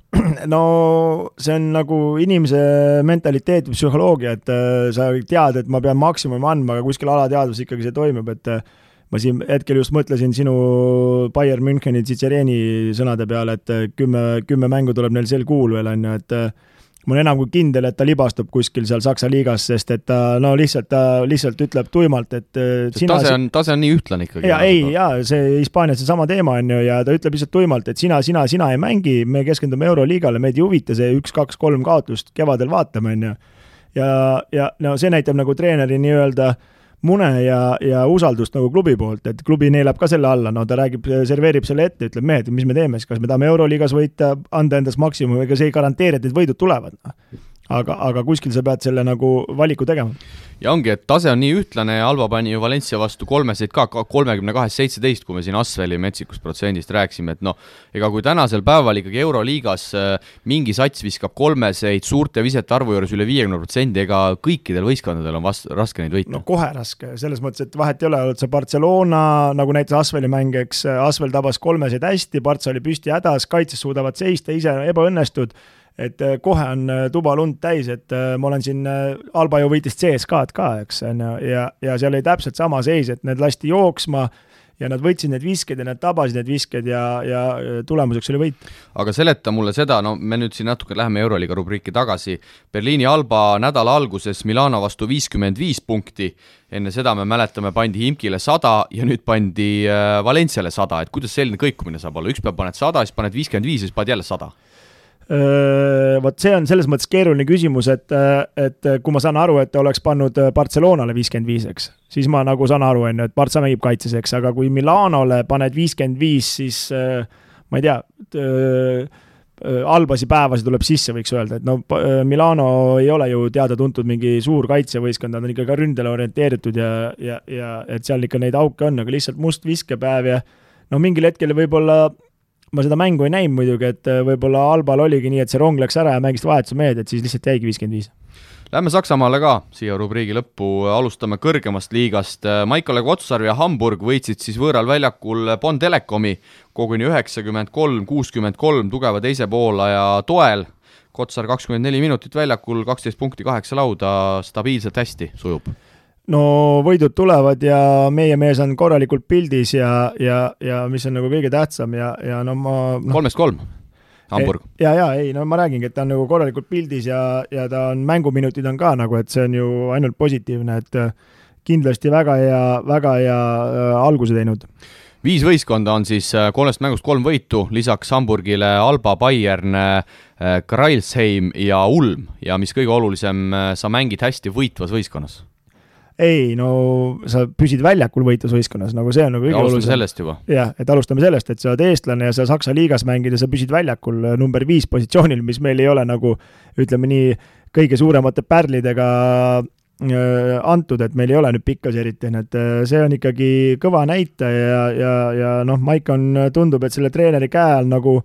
kui me temaga rääkisime ka, et ikkagi see usaldus ja suhtlus ja kõik nagu toimib, et, et noh ma ei imesta, et ta siia koondisse tahtnud tulla, et ikkagi võistkonnal hea töö ja ta peab ikkagi endast parima andma ja noh, kindlasti võistkond tahaks treenida, valmistada järgmisteks mängudeks nii, nii, nii, et neil on ka omad eesmärgid, et ta lihtsalt ei tahtnud neid rikkuda. ja tundub, et äh, nagu Maik mulle siin septembris ka rääkis, et ta otsis sellist äh, agendiga, agentuuriga sellist õiget kohta, kus Euroopas alustada ja ja mulle tõesti tundub, et selles füüsilises Saksamaa kõrgliigas äh, võistkonnas, kes tegelikult on alles hiljuti esiliigast üles tulnud, ta on leidnud täpselt selle õige koha ja õige treeneri, nagu sa ütlesid no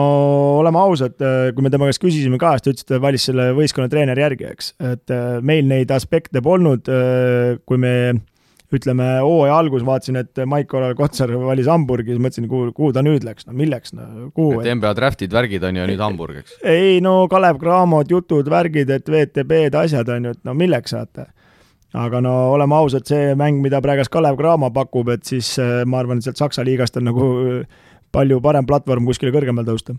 ja tuleme samm allapoole, Saksamaa Pro A-liiga ehk siis Saksamaa esiliiga ja ja samad jutud, sama positiivsed jutud Rain Veidemanni kohta, kodumeeskond Rostock on tabeli liider,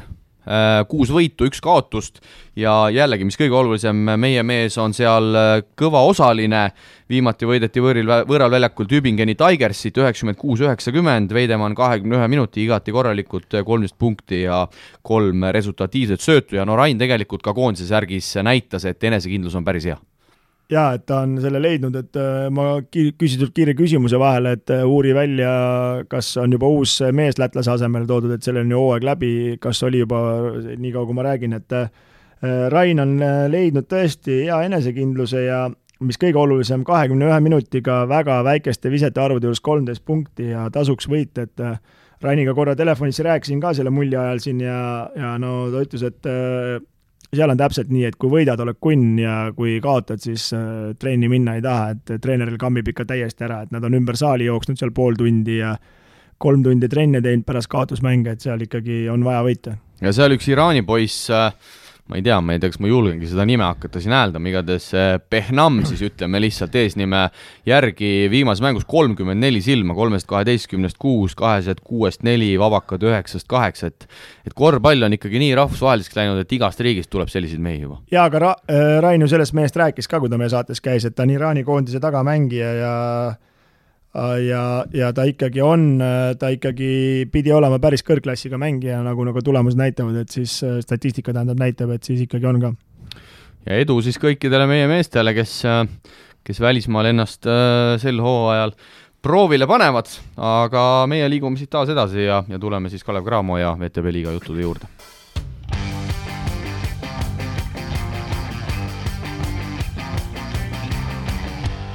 no nii, üle pika aja siis, Kristo, saame rääkida ka, ka VTB liigast ja, ja Kalev Cramo tegemistest, sest et sel nädalal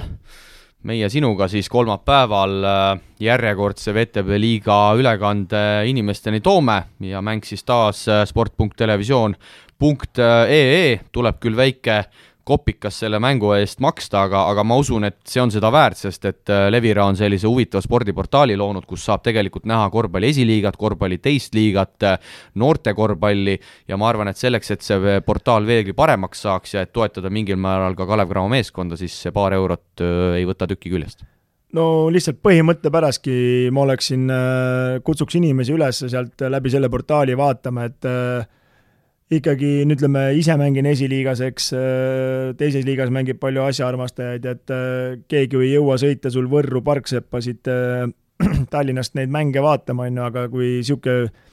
ütleme, sport.television.ee toob selle sulle koju kätte, et siis ikka tahad näha, kuidas mees või sõber või tuttav mängib. nii et kolmapäeval siis äh,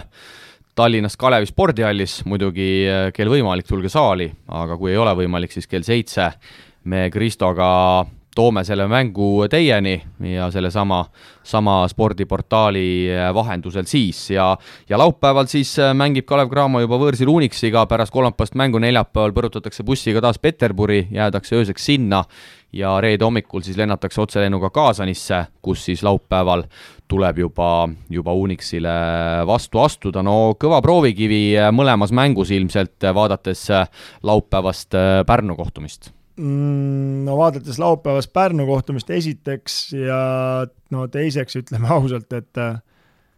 oota, kas mul jäi midagi kõlama nagu imelikult, kas teisipäeval mängib äh, Cramo ülejärgmine või järgmine siis? mitte see teisipäev? jah, kuula-, kuulajad ka... kuulavad meie saadet esmaspäeval, ehk siis järgmisel aa, teisipäeval aa, mängib okay,, ma mõtlesin juba, et äh, läks niimoodi juba kaks päeva järjest, aga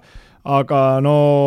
vaadates äh, et Cramol on tabelis null ja kui me Tsemoki Minki vastu ka silma pähe ei saa, et siis kelle vastu me veel tahame saada, et unistada Unixi vastu silma pähe saamisest on natukene palju. aga samas äh, Tsemoki Mints ka ei maga, et äh, Artjom Barahovski tõid endale nüüd võistkonda ja neil ikkagi seda materjali seal on ja mängivad siis Champions League'is sel hooajal hetkel kirjas kaks võitu, üks kaotust ja ja võib-olla Minski meeskonnast veel rääkides, siis tuntumad mehed, noh, pikki aastaid seal mänginud äh, patsidega mees Robert Lauri, ameeriklane, meile tuttav mees äh, Valgevenest Maksim Salah on seal hea, head hooaega tegemas, lisaks lätlased Tom Sleimanis, äh, Klavs Tšavars ju eelmisel hooajal Ventspilsis ja sinu lemmiku, ühe lemmiku Will Clyburni noorem vend Chris Clyburn ka Euroopasse jalg ukse vahele löömas. jaa, et, et neil ikkagi ütleme, see viisik, mis sa välja lugesid, see on ikkagi väga kõrgklassiga ja Cramo ei saa siin kindlasti endale mingeid nõrkuse hetki lubada, kui nad sellest mängust võitu tahavad saada.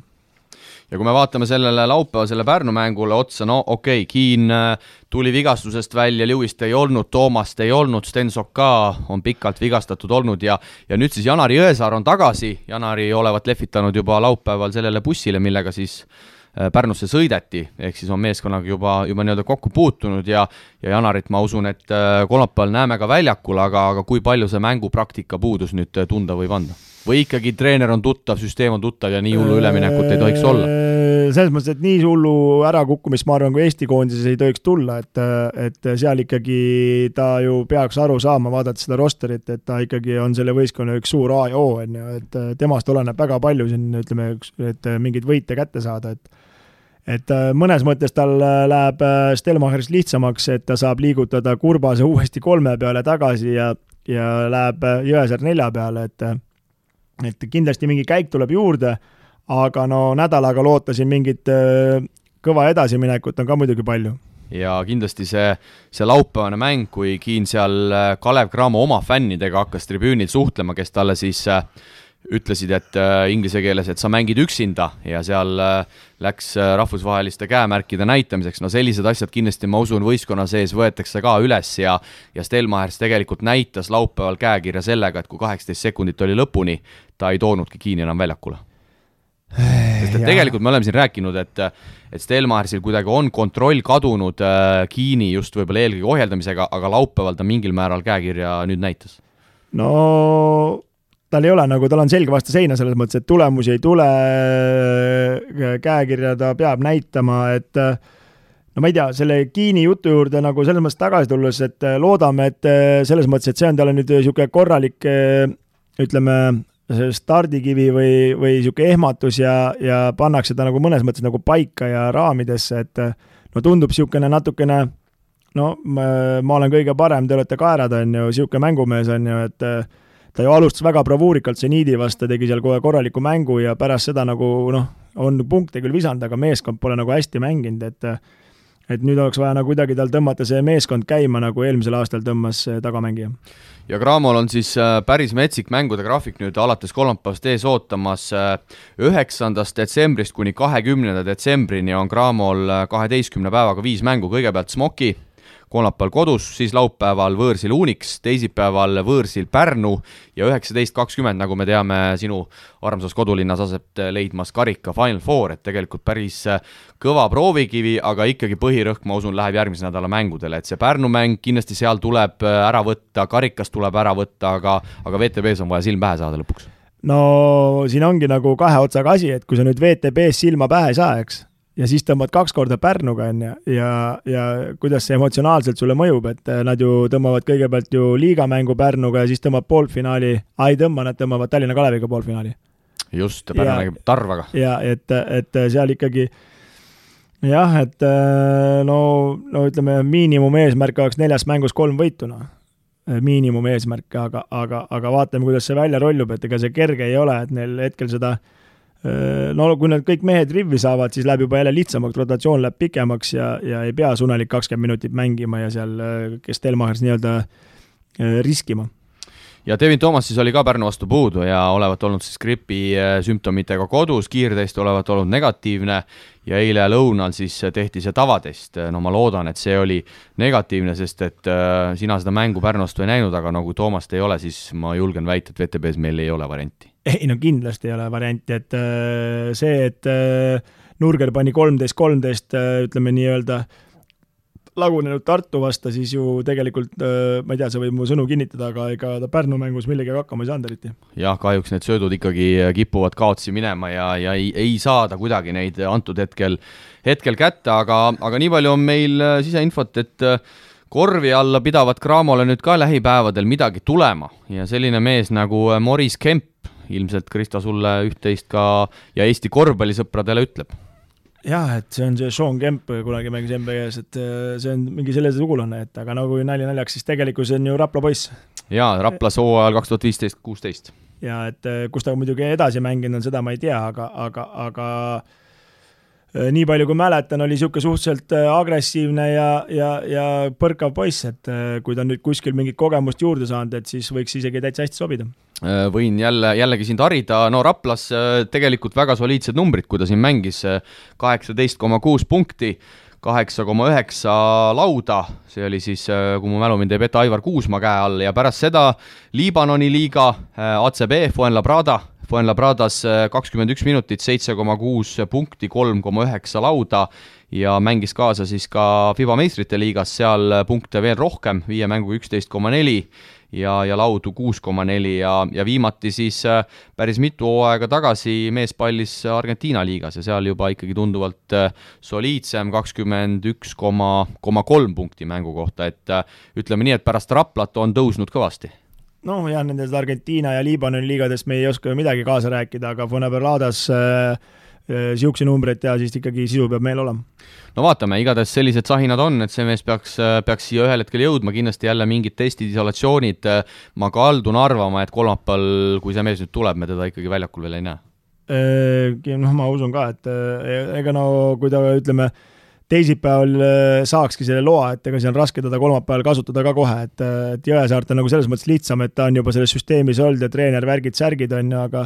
aga uuele mehele kohe see asi selgeks teha, et okei okay,, võib-olla mingid prügiminutid kolm-neli või nii viis, et korraks aidata äkki, aga, aga, aga, aga pikemas perspektiivis ma arvan, tema mängu hakkame uuel aastal nägema. ja vaatame siia seda koosseisu teoorias, siis äh, Markus Kiin, Sten Sokk, Siobhan Lewis, Martin Torbek, Jaanis Kaufmannis, Janar Jõesaar, Keit Piiler, Gregor Hermet, Rauno Nurger, Devin Toomas ja ütleme siis see Maris Kemp. tegelikult äh, paberi peal annaks teha küll, aga see rong WTB-s võib hakata ära sõitma enne ei no see rong, äh, ma ei taha negatiivne olla, aga see rong on juba sõitnud selles mõttes, kui sa mõtled nagu play-off rongi või? no jaa, aga samas Cramol on vaid neli mängu mängitud, teistel on siin ikkagi nii palju rohkem, et äh, no jah, samas ma pean sinuga nõustuma, et see tase on WTB-s ka nii ühtlaseks läinud, kui me siin vaatame, play-off koht praegu noh, midagi hullu ei ole, Imki on seal Imki on seal kolm võitu, viis kaotust kusjuures, et, et, et see, see segasumma suvila siin VTB-s on ka ikkagi päris metsik tänasel päeval. no siis tekib nagu minu küsimus sulle nagu, et võtame Imki rosteri ja võtame Graamo rosteri, et mis sa arvad, kumb selle viimase play-off koha saab siis? no aga vaata, nüüd mõlemad hakkavadki tõusma, me ja... rääkisime, Imkil on ka nüüd kõik mehed olemas. jaa, okei okay,, okei okay,, aga kui sa nüüd selle nimed ette lugesid, siis äh, ma ikkagi kärbiks su tiibu, et Kaufmannis võime maha tõmmata äh, Äh, er-, selle mm, Nurgerit äh, ma väga ei arvestaks, et äh, see ikkagi, see roster nii, nii, nii tummine meil ei ole, et ta ikkagi jääb niisugune seitsme-kaheksa mehe peale, ma arvan, WTB-s no kui sa nii ütled ja, ja siin VTB-s üle pika aja mängiti ka teisi mänge ja võib-olla mis väärib esiletoomist, Permi Parma võitis Lokomotiv Kubani kaheksakümmend neli, kaheksakümmend üks ja ja individuaalselt võimsad sooritused, Parma leedukas Adas Juskevitsus kolmkümmend kolm punkti ja Kubani poolelt teine Leedu mees Mindaugas Kuzminskas pani kakskümmend neli vastu, et kui me siin vaatame, et Leedul on koondisega rasked ajad, siis VTB liigas paugutavad mehed kõvasti ja et siis tekib nagu küsimus, miks see Jukevitsus seal ei olnud selles koondises, et äh, kus Minskas seal muidu mingit eriti mängu ei näidanud, noh, Kalnetis minu arust juba näitab juba mitmendat aastat ei näita mingit mängu koondises, aga ju siis ei ole midagi võtta sinna asemele, kuigi seal on ju kõike Likevitsused ja Jokopaitised ja igasugu jusse seal on, on ju, aga, aga, aga no ju siis ikkagi treeneri valik on niisugune ja Zelona Cora sai ka Jenissei vastu võõral väljakul kindla võidu üheksakümmend neli, seitsekümmend kolm ja lätlane Roland Freimanis kakskümmend kuus punkti ja ja üksteist lauapalli, nii et äh,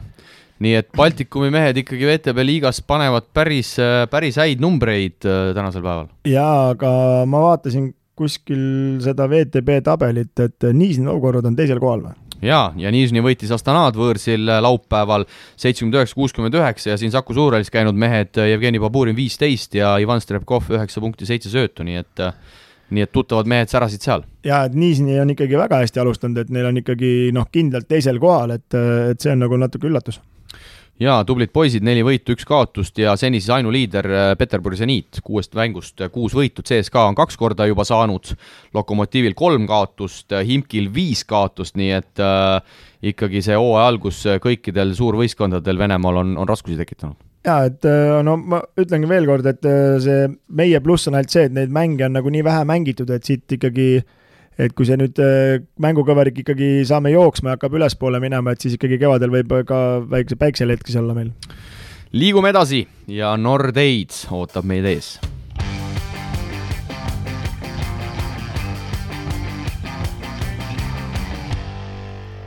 Nordeidi ennustusrubriik ja, ja kümnes mänguvoor, Kristo sai siis äh, eelmise nädalaga läbi, meil on kaks vooru veel jäänud ja kahekümne esimesel detsembril enne jõulupühasi, pühi, siis me võtame,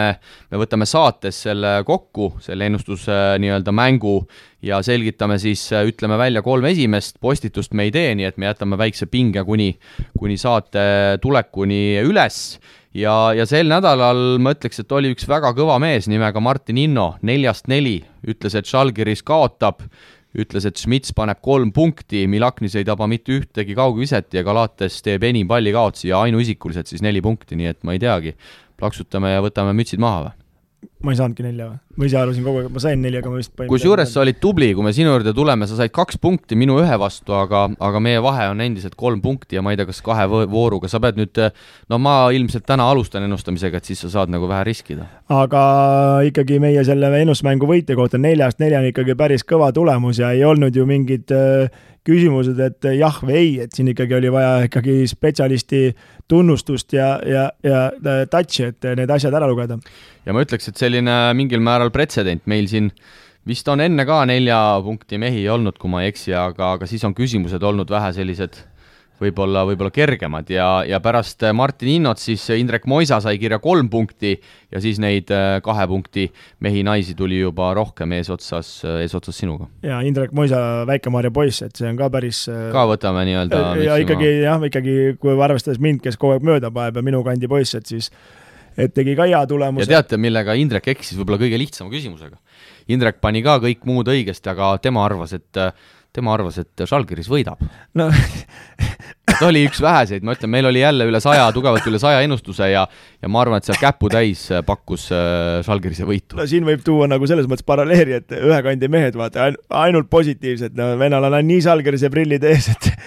reaalsustaju nagu kadus ära, selles mõttes, et ta ei saanud aru, et Partsa vastu tuleb. aga üldseis siis äh,, nagu öeldud siin korduvalt, esimesed kolm saavad siis äh, Nordeidi poolt äh, juba suuremamahulised toidulisandid, hetkel kaksikjuhtimine Martin Milling ja Ülar Paimre on üheksateistkümne punkti peal ja kolmandat-neljandat jagavad siis Heiki Gustavson ja, ja Rene, Rene Sepp ja seitsmeteistkümne peal on Algis Liblik, Marko Piho, Martin Iro ja Martin Kivimäe, nii et tundub, et nende meeste vahel eks see, see pjedestaal saab äh, välja äh, välja jagatud ja, ja olgu nii palju ka veel öeldud, et kui peaks olema võrdselt punkte, siis me arvestame nii-öelda jackpot'e ehk selliseid nelja punkti voore ja kui ka need on võrdsed, siis me hakkame vaatama, kes oma ennustusi on, äh, on esimesena teinud okei okay,, aga ma nüüd küsin vahele ka, et äh, ma panin, et Partsa võidab, aga mis see teine, millega ma täppi sain? Milaknis null või? või just, just, just, kui mu mälu mind ei peta, Smitsile sa panid seitse punkti ja, ja pallikaotusi sa panid, äh,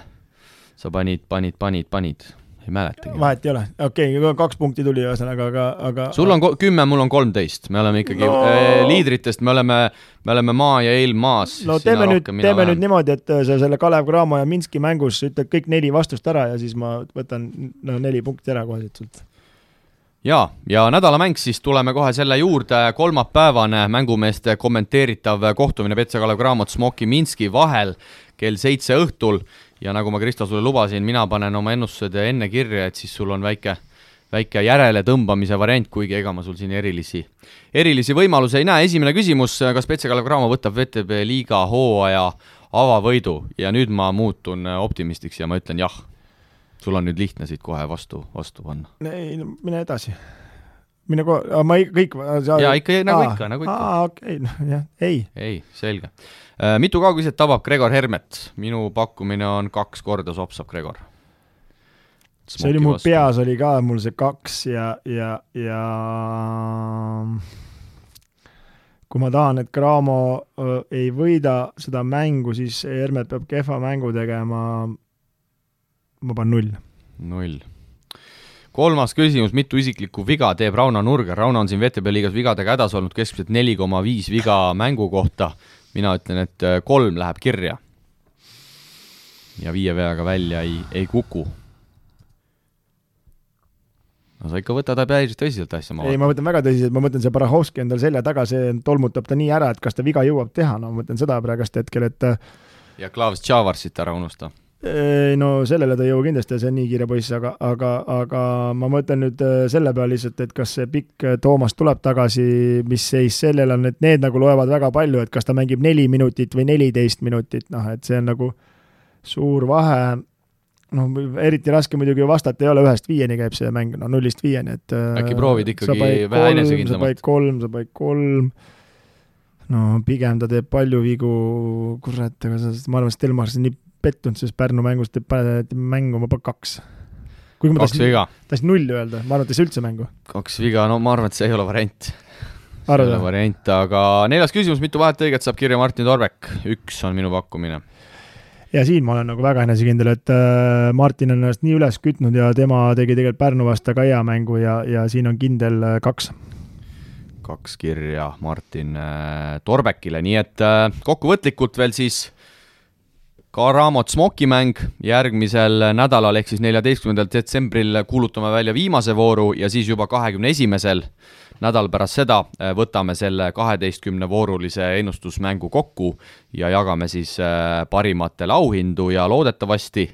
seda me veel teile kindlasti kindlalt öelda ei oska, aga, aga uuel aastal miks mitte ennustusmänguga jätkata, sest et on, on tunda ja on kuulda olnud, et huvi inimestel on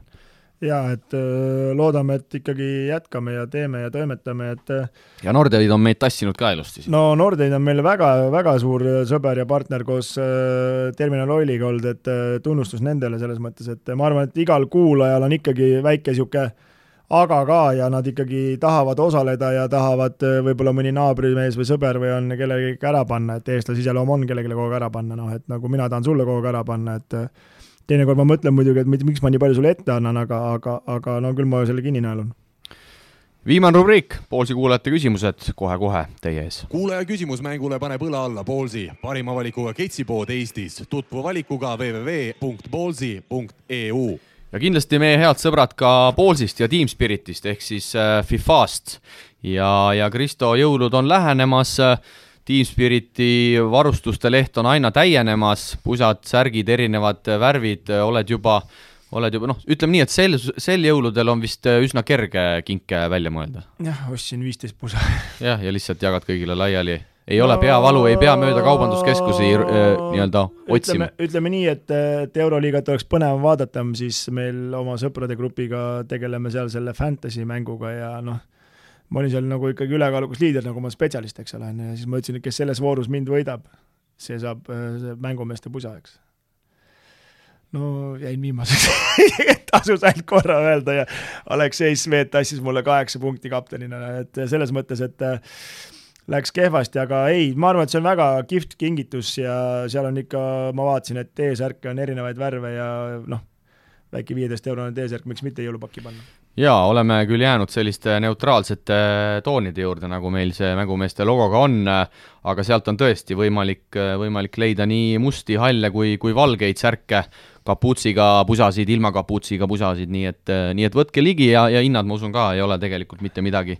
üle jõu äh, käivad. aga nüüd äh, lähme küsimuste juurde. jaa, head, head ära jõudsid oodata. küsimus number üks äh, küsib Kevin, tere sõbrad, tublid olete no täname. Äh, olen teie kõiki saateid kuulanud ja mitu korda mõelnud, et küsiks ka midagi, seni pole lihtsalt päris kirjutamiseni veel jõudnud, nüüd jõudsin. nimelt üks küsimus, mis on senini kirjutamata jäänud, on mänguvormide kohta, mis te arvate, kas Barca reedese äh, Euroliiga mänguvorm Žalgirise vastu paneb neid vendi vähe, vähem mugavamalt ja väiksema enesekindlusega mängima, kuna see roosa vorm peaks olema kriminaalkorras karistatav, no suuresti olen, olen nõus. kas Kristol on olnud karjääri ajal selliseid hetki, kus ta mõtleb, et selles vormis küll ei kuku, ma saan aru, et vorm ei mängi, aga no natuke ikka mängib ka?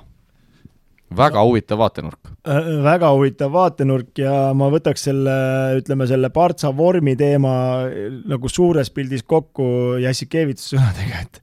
mitte kedagi ei huvita Barcelonas korvpall, et äh, Kaunases pidi kogu aeg aru andma, miks sa kaotasid, miks sa niisuguse taktikaga tulid nii ja naa, on ju, et ütles, et seal on jalgpalllinn, keegi ei küsi, mis taktikaga sa tuled, kuidas sa mängid, mis sa teed, mis sa mõtled, et no põhimõtteliselt piltlikult öeldes, et äh, Partsa jalkavõistkonna eelarve on miljardites ja siis see kolmkümmend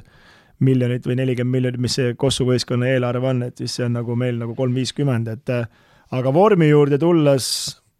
no ju siis on see klubi mingid äh, peasponsor ju määrab selle, et Rakvere mängis ju kaua aega kollase-rohelisega mingil hetkel ja kollase-sinisega mängis, tähendab, kollase-sinisega tükk aega, siis oli lihakombinaadi värvid ja, ja nemad olid peasponsor, nemad tellisid muusika, et ma ei tea, mis selle roosa vormi taga on, aga, aga nagu noh, paned selle vormi selga, mis kästakse aga, aga selles suhtes, et äh, see roosa vorm, no kuidas mängu vaadates on, et ma ütlen ausalt, mind natukene küll, kui ma seda mängu vaatan, ta on nagu nii ere, et, et veidi selline ebameeldiv on võib-olla alguses küll nagu seda mängu vaadata. jaa, ei, ta selles mõttes jaa, need äh, nagu need mehed nagu ei eristu seal või need numbrid ja asjad ja nagu see nagu, ma ei tea, jah, tundub nagu natuke nagu naljakas ja et et äh, ei ole ta tõesti kõige võib-olla silmale kõige ilusam vaadata, aga, aga no ma ütlen, eks see vormi mugavus, kui see küsimus mulle oli, et kas sa mõtled, et seda vormi ma küll selga ei pane, siis et ütleme, sellel värvil pole tähtsust, aga mõne vormiga on küll nii, et paned selga nagu, nagu ei üldse, ma ei tea, kas kisub kuskilt või on äh, lühike või või noh, vanasti olid ju need äh, puuvillased vormid, no nendega oli ju ebareaalne mängida, kui sa higistama hakkasid, sa läksid sügelema lihtsalt, et need olid ju, kaalusid ka mingi sama palju umbes kui sa ise, et et tänapäeval on muidugi need vormid läinud ju väga ägedaks ja, ja, ja valikut on väga palju ja suhteliselt mugavad. tuleb, äh, tuleb vaid välja kanda, eks? noh jah, et äh, jah, et siin tervitan Erik Torbekut, kes ka meil Austraalias kuulab meie saadet ja üks päev riidles minuga, ma ei ole jõudnud talle vastata, et et nagu Erik Torbek mulle kunagi ütles, et kui me hakkasime koos peale minema, et ta sättis, sättis ennast riidesse ja siis ma ütlesin, kaua sul läheb nüüd, no minul läks mingi viis minutit riide panemist, ta ütles mulle, et no mis maakas sul viga, noh.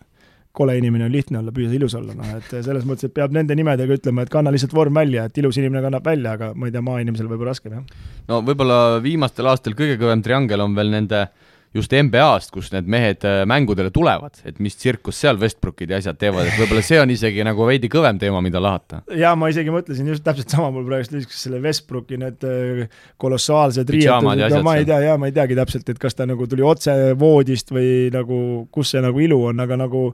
maainimene nagu ikkagi me tuleb, ja tahabki, tahangi lihtsalt öelda, nagu maainimene ei saa sellest ilust aru ja see kindlasti see vorm äh, umbes sama palju Äh, maksis seljas kui ma ei tea, Tarva eelarve on ju, et, et see on ikkagi jah,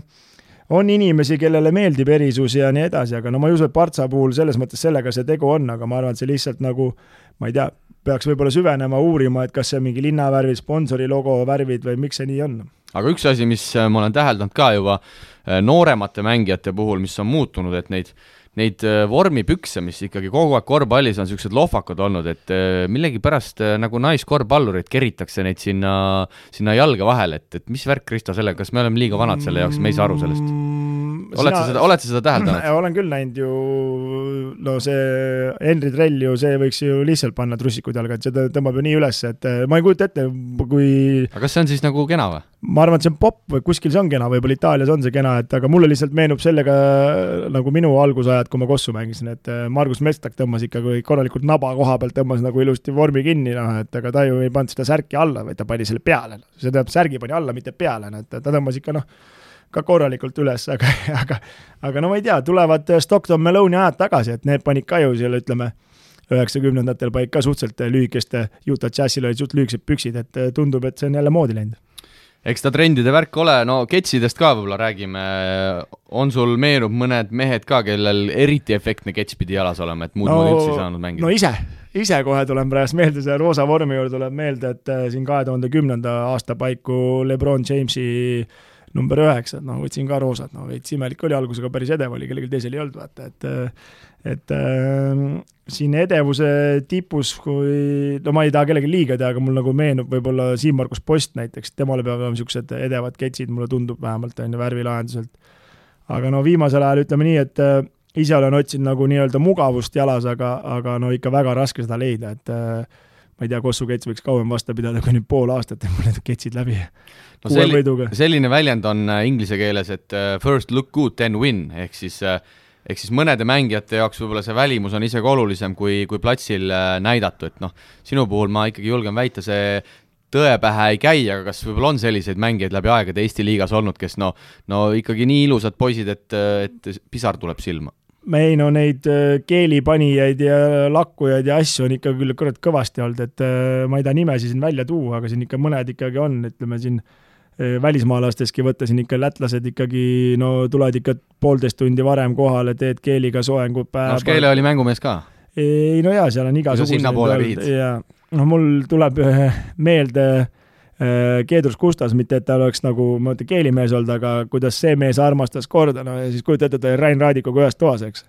noh, õhtul läksid magama, eks, Ratsa viskas pikali, tõmbas kuradi laptopi kõhu peale, eks. Keedrus tuli tuppa, pani pidžaama selga, viskas pikali, luges raamatut, noh, mingi kella kolmeni öösel luges raamatut. kas öölamp oli ka? Ei, seda ma ei, seda ma ei tea, aga ma mäletan, et ta, ta ütles, noh, ise ütles ka, et tal nagu ei tule und enne mängu nagu, et oli lihtsalt nagu mingi kolmeni üleval, aga lihtsalt pani riided lappesse, no Ratsa tõmbas stressid jalast ära, kukkusid sinnasamma voodi ette maha, no siis ma kujutan ette, et mingi pärast esimest seda olukorda vist Ratsa hakkas ka mõtlema, kuhu ta oma riided paneb, kuidas ta istub, kuidas ta on, et noh, niisuguseid perfektseid inimesi on nagu olemas ja ja, ja, ja, ja see on muidugi alati nagu terevdav, no lihtsalt niisugused näited no näed, aga vaata, kuhu me Kevini küsimusega siit äh, välja jõudsime, igatahes aitäh sulle, et, et lõpuks siis see kiri ikkagi ära tuli ja, ja loodame, et neid tuleb äh, veel. teine küsimus, Berit küsib ja tema on meil siin juba mõned saated tagasi ka särgi võitnud. Tartu Ülikooli ja TalTechi vahelises mängus jagas Kristjan Kangur õpetussõnu vastasmeeskonna mängijale Kaspar Sepale Äh, kui levinud see on, et vastaseid juhendama hakatakse, kuidas Siim Raudla treenerina sellesse suhtuks, kui tema tiimi mängija vastasele kasulikke õpetussõnu jagaks, kas Kristo Saage on sõnadega vastasele mängu ajal tarkusi jaganud, jälle täitsa teiselt poolt selline huvitav vaatenurk, et ei oskaks ise selle pealt tullagi? ma hakkan tagantpoolt pihta, ma ei ole küll ühelegi vastasele mingeid tarkusi jaganud, et äh, ja, ja teine no ausalt öeldes ei tule ette küll, noh, minul ei oleks selle vastu midagi, kui Saage esiliigas seal äh, mõnda nooremat kolleegi natukene juhendaks. vastasvõistkonnast või? no jaa, miks mitte no,. oma see... kogemusi võiks ju edasi anda no see ilmselgelt tuleks päevakorda, kui vahe oleks kakskümmend viis, kolmkümmend punni. et näed, ära tule sealt kattest minuga alt, et ma panen sealt ära kohe. ei no kui see on kakskümmend viis, kolmkümmend punni ja, vahe, no aga on... päeva lõpuks sa tahad võita, et oled ühega maas, ütled vennale, et kuule, ründa nüüd mind, et ma teen sulle vea, no et eks siin oleneb muidugi situatsioonist selles mõttes, aga aga huvitav, mis see, mis see kangur seal siis Kaspar Seppale ütles, et ma, ma ise, ise mõtlesin... seda mängu mängu kommenteerisin, kui ma nüüd ei eksi, see oli, see oli, ma usun, see Tartus peetud mäng, mille TalTech võitis, et et ausalt öeldes ei, ei jäänud, ei tegelikult see võis olla Tallinna mäng, sest Kaspar Sepp minu mäletamist mööda Tartus tegelikult mängida ei saanud, nii et ma pean nendele tuhka pähe raputama, ma küsin sinu käest, kes see Kaspar Sepp üldse on Kas, Kaspar Sepp on Tartu A-klassi poiss, sünniaastaga kaks tuhat kolm, kui ma ei eksi, ja ja sel hooajal on ka, on ka Pahvliigas mängida saanud, nii et Kristo, jälle ma pean sind noomima rohkem kodu okay,, rohkem okay, kodutööd okay,. rahu, ma nüüd lihtsalt analüüsin praegust seda olukorda, et Kristjan Kangur õpetab Kaspar Seppa, eks, kui TalTech on saanud ainult tuppa, on ju, ta peaks ja õpetama. ja TalTech kaotas ka veel selle. ja no ma mõtlengi, et TalTechis ta peaks õpetama oma mehi, kuidas mängida, on ju, et, et see lihtsalt nagu tundub niisugune huvitav küsimus ja, ja nagu keeruline nagu seda vastust nagu siit nagu leida, et huvitav oleks teada, mida ta siis selle Kaspar Sepale ütles, et et no ma olen teinekord. ma küsin, ma küsin Kristjanilt, ma olen... teda ikkagi vahel näen. ja et mul teinekord on äh, olukord on küll olnud näiteks, et äh, ma ei tea, mängin nagu endast nõrgema võistkonnaga, ma ei tea, siin kuskil rahvaliigas või maakonnaliigas, kui ma mängin näiteks või ütleme, ma ei tea, esiliigas on ju, siis ma olen kohtunikule küll äh, mõnikord öelnud, et kuule, poiss võitleb, las ta võib natuke viga ka teha, et ära kohe nii kergelt vilista, vaata, noh, vahe on juba kakskümmend, niisugune sümboolne, no mees tahab võidelda, ikka tahavad ju saagel ära panna kõik, et noh, las ta natuke mängib kätega, et ei pea kohe sirtsutama, vaata et äh, selles mõttes niisuguseid olukordi on küll olnud, et, et, et noh, ma, ma tunnustan neid noori ka, nagu ma ise mängin näiteks, et no ma ei ütle talle midagi, aga ma ei tea, ma lähen näiteks läbi, ta võitleb ja ta teeb lihtsalt robustse vea, on ju, ta annab endast kõik, on ju. et siis ma, ma, see on nagu tere, terendav, et ta lihtsalt ei lase ennast nagu ära panna, et ta nagu võitleb ikkagi lõpuni ja kas või noh, ma ei tea, ebasportliku vea vääriliselt, et et see on nagu tipp-topp. aga kokkuvõtlikult me vist Beritile võime öelda, et et see ei ole ülemäära levinud, et, et vastasele tarkusi jagatakse, võib-olla tõesti siis, kui vahe on suur ja kogenud mängija, noor mängija vastastikku, et no, see on mingi huumor, huumori mõttes kergelt. no kerges huumori mõttes võib-olla ja või, või siis noh, teine, noh, ma räägin niisugust ütleme, ärapanemist, praasimist on ikka rohkem, et ma ei tea, paned mingile vennale seal kolmese näkku, ütled, et sa ei tea, ma viskaja olen või no ma ei tea. mul siin viimane olukord tuleb meelde, see boksi geenius, kes teil seal TalTechis oli, aita öelda nüüd äh, hakkas poksiga tegelema, tsenter. Eke Lõhmus? jah, Eke Lõhmus äh,, ma esindasin Põlvat äh, maa, nende maakondade olümpiaadil seal olümpial ja siis olümpiaadil lausa? no see on ju olümpiamängud ikkagi suviti käivad neli korda, see on nagu olümpia on ju, ja, ja see oli eelmisel aastal suvel, ma arvan, või üle-eelmisel. ja, ja siis mängisime, ta mängis Maaülikooli eest ja siis äh, olime kahega maas ja mingi kaheksa sekki oli lõpuni nagu, mängisin piker rolli ja Eke jäi mulle peale, no ma lajatasin kaheksalt peale, panin sisse, ma küsin Eke käest, mis, mis arvad, ma ei viska peale või? kuhu sa jäid nüüd noh? siis ta mökitas seal nagu, et et sellist ma nagu küll aasisin, et niisugused olukorrad tulevad meelde, aga, aga jah, et, et õpetama hakkas, et tee sa nüüd nii, et mulle ära panna, siis seda kindlasti ma ei ole teinud kolmas küsimus täna. Raul küsib, igal hooajal toimub mängijate edukamaid ja vähem edukamaid liikumisi Euroliiga ja ja NBA vahel äsja liikus äh, Reali staar Campazzo NBA-sse, aga samas Tel Avivi Maccabis mängiv Elijah Bryant lükkas tagasi Milwaukee Bucksi pakkumise. kes võiks olla järgmine Euroliigast NBA-sse siirduv mängija, kes NBA-s päriselt ka mängida saaks ja meeskonna edusse märgatavalt äh, panustaks? no ma hakkasin mõtlema neid Euroliiga satse läbi ja, ja ma ütlen päris ausalt, mina sellist väga ei leidnudki, kes, äh, kes võiks olla seal NBA-s nüüd kohe nii, et ta läheb ja, ja põmm nagu Dontšits hakkab hullama aga mingid huvitavad nimed siin ikkagi äh, äh, pähe tulid, kes, äh, kes võiks proovida ja, ja kes on võib-olla, ei ole ka veel nii, nii vanas eas. ja esimene on, ma ütleks, Edi Tavares, kes, kellest siin tegelikult Euroliiga rubriigis ka juttu oli ja ma ka korra mainisin juba, et tegelikult selle mehe tegutsemist oleks huvitav näha ja, ja tegelikult Tavares on NBA-s ka olnud, aga nüüd ta on juba päris pikalt, pikalt Real Madridi esindanud jah, Tavares, ma hakkasin ka mõtlema, et mis mehed seal võiks olla, no ütleme, me ju teame põhimõtteliselt nüüd ju, mille pärast see Campazzo sinna NBA-sse läks, eks.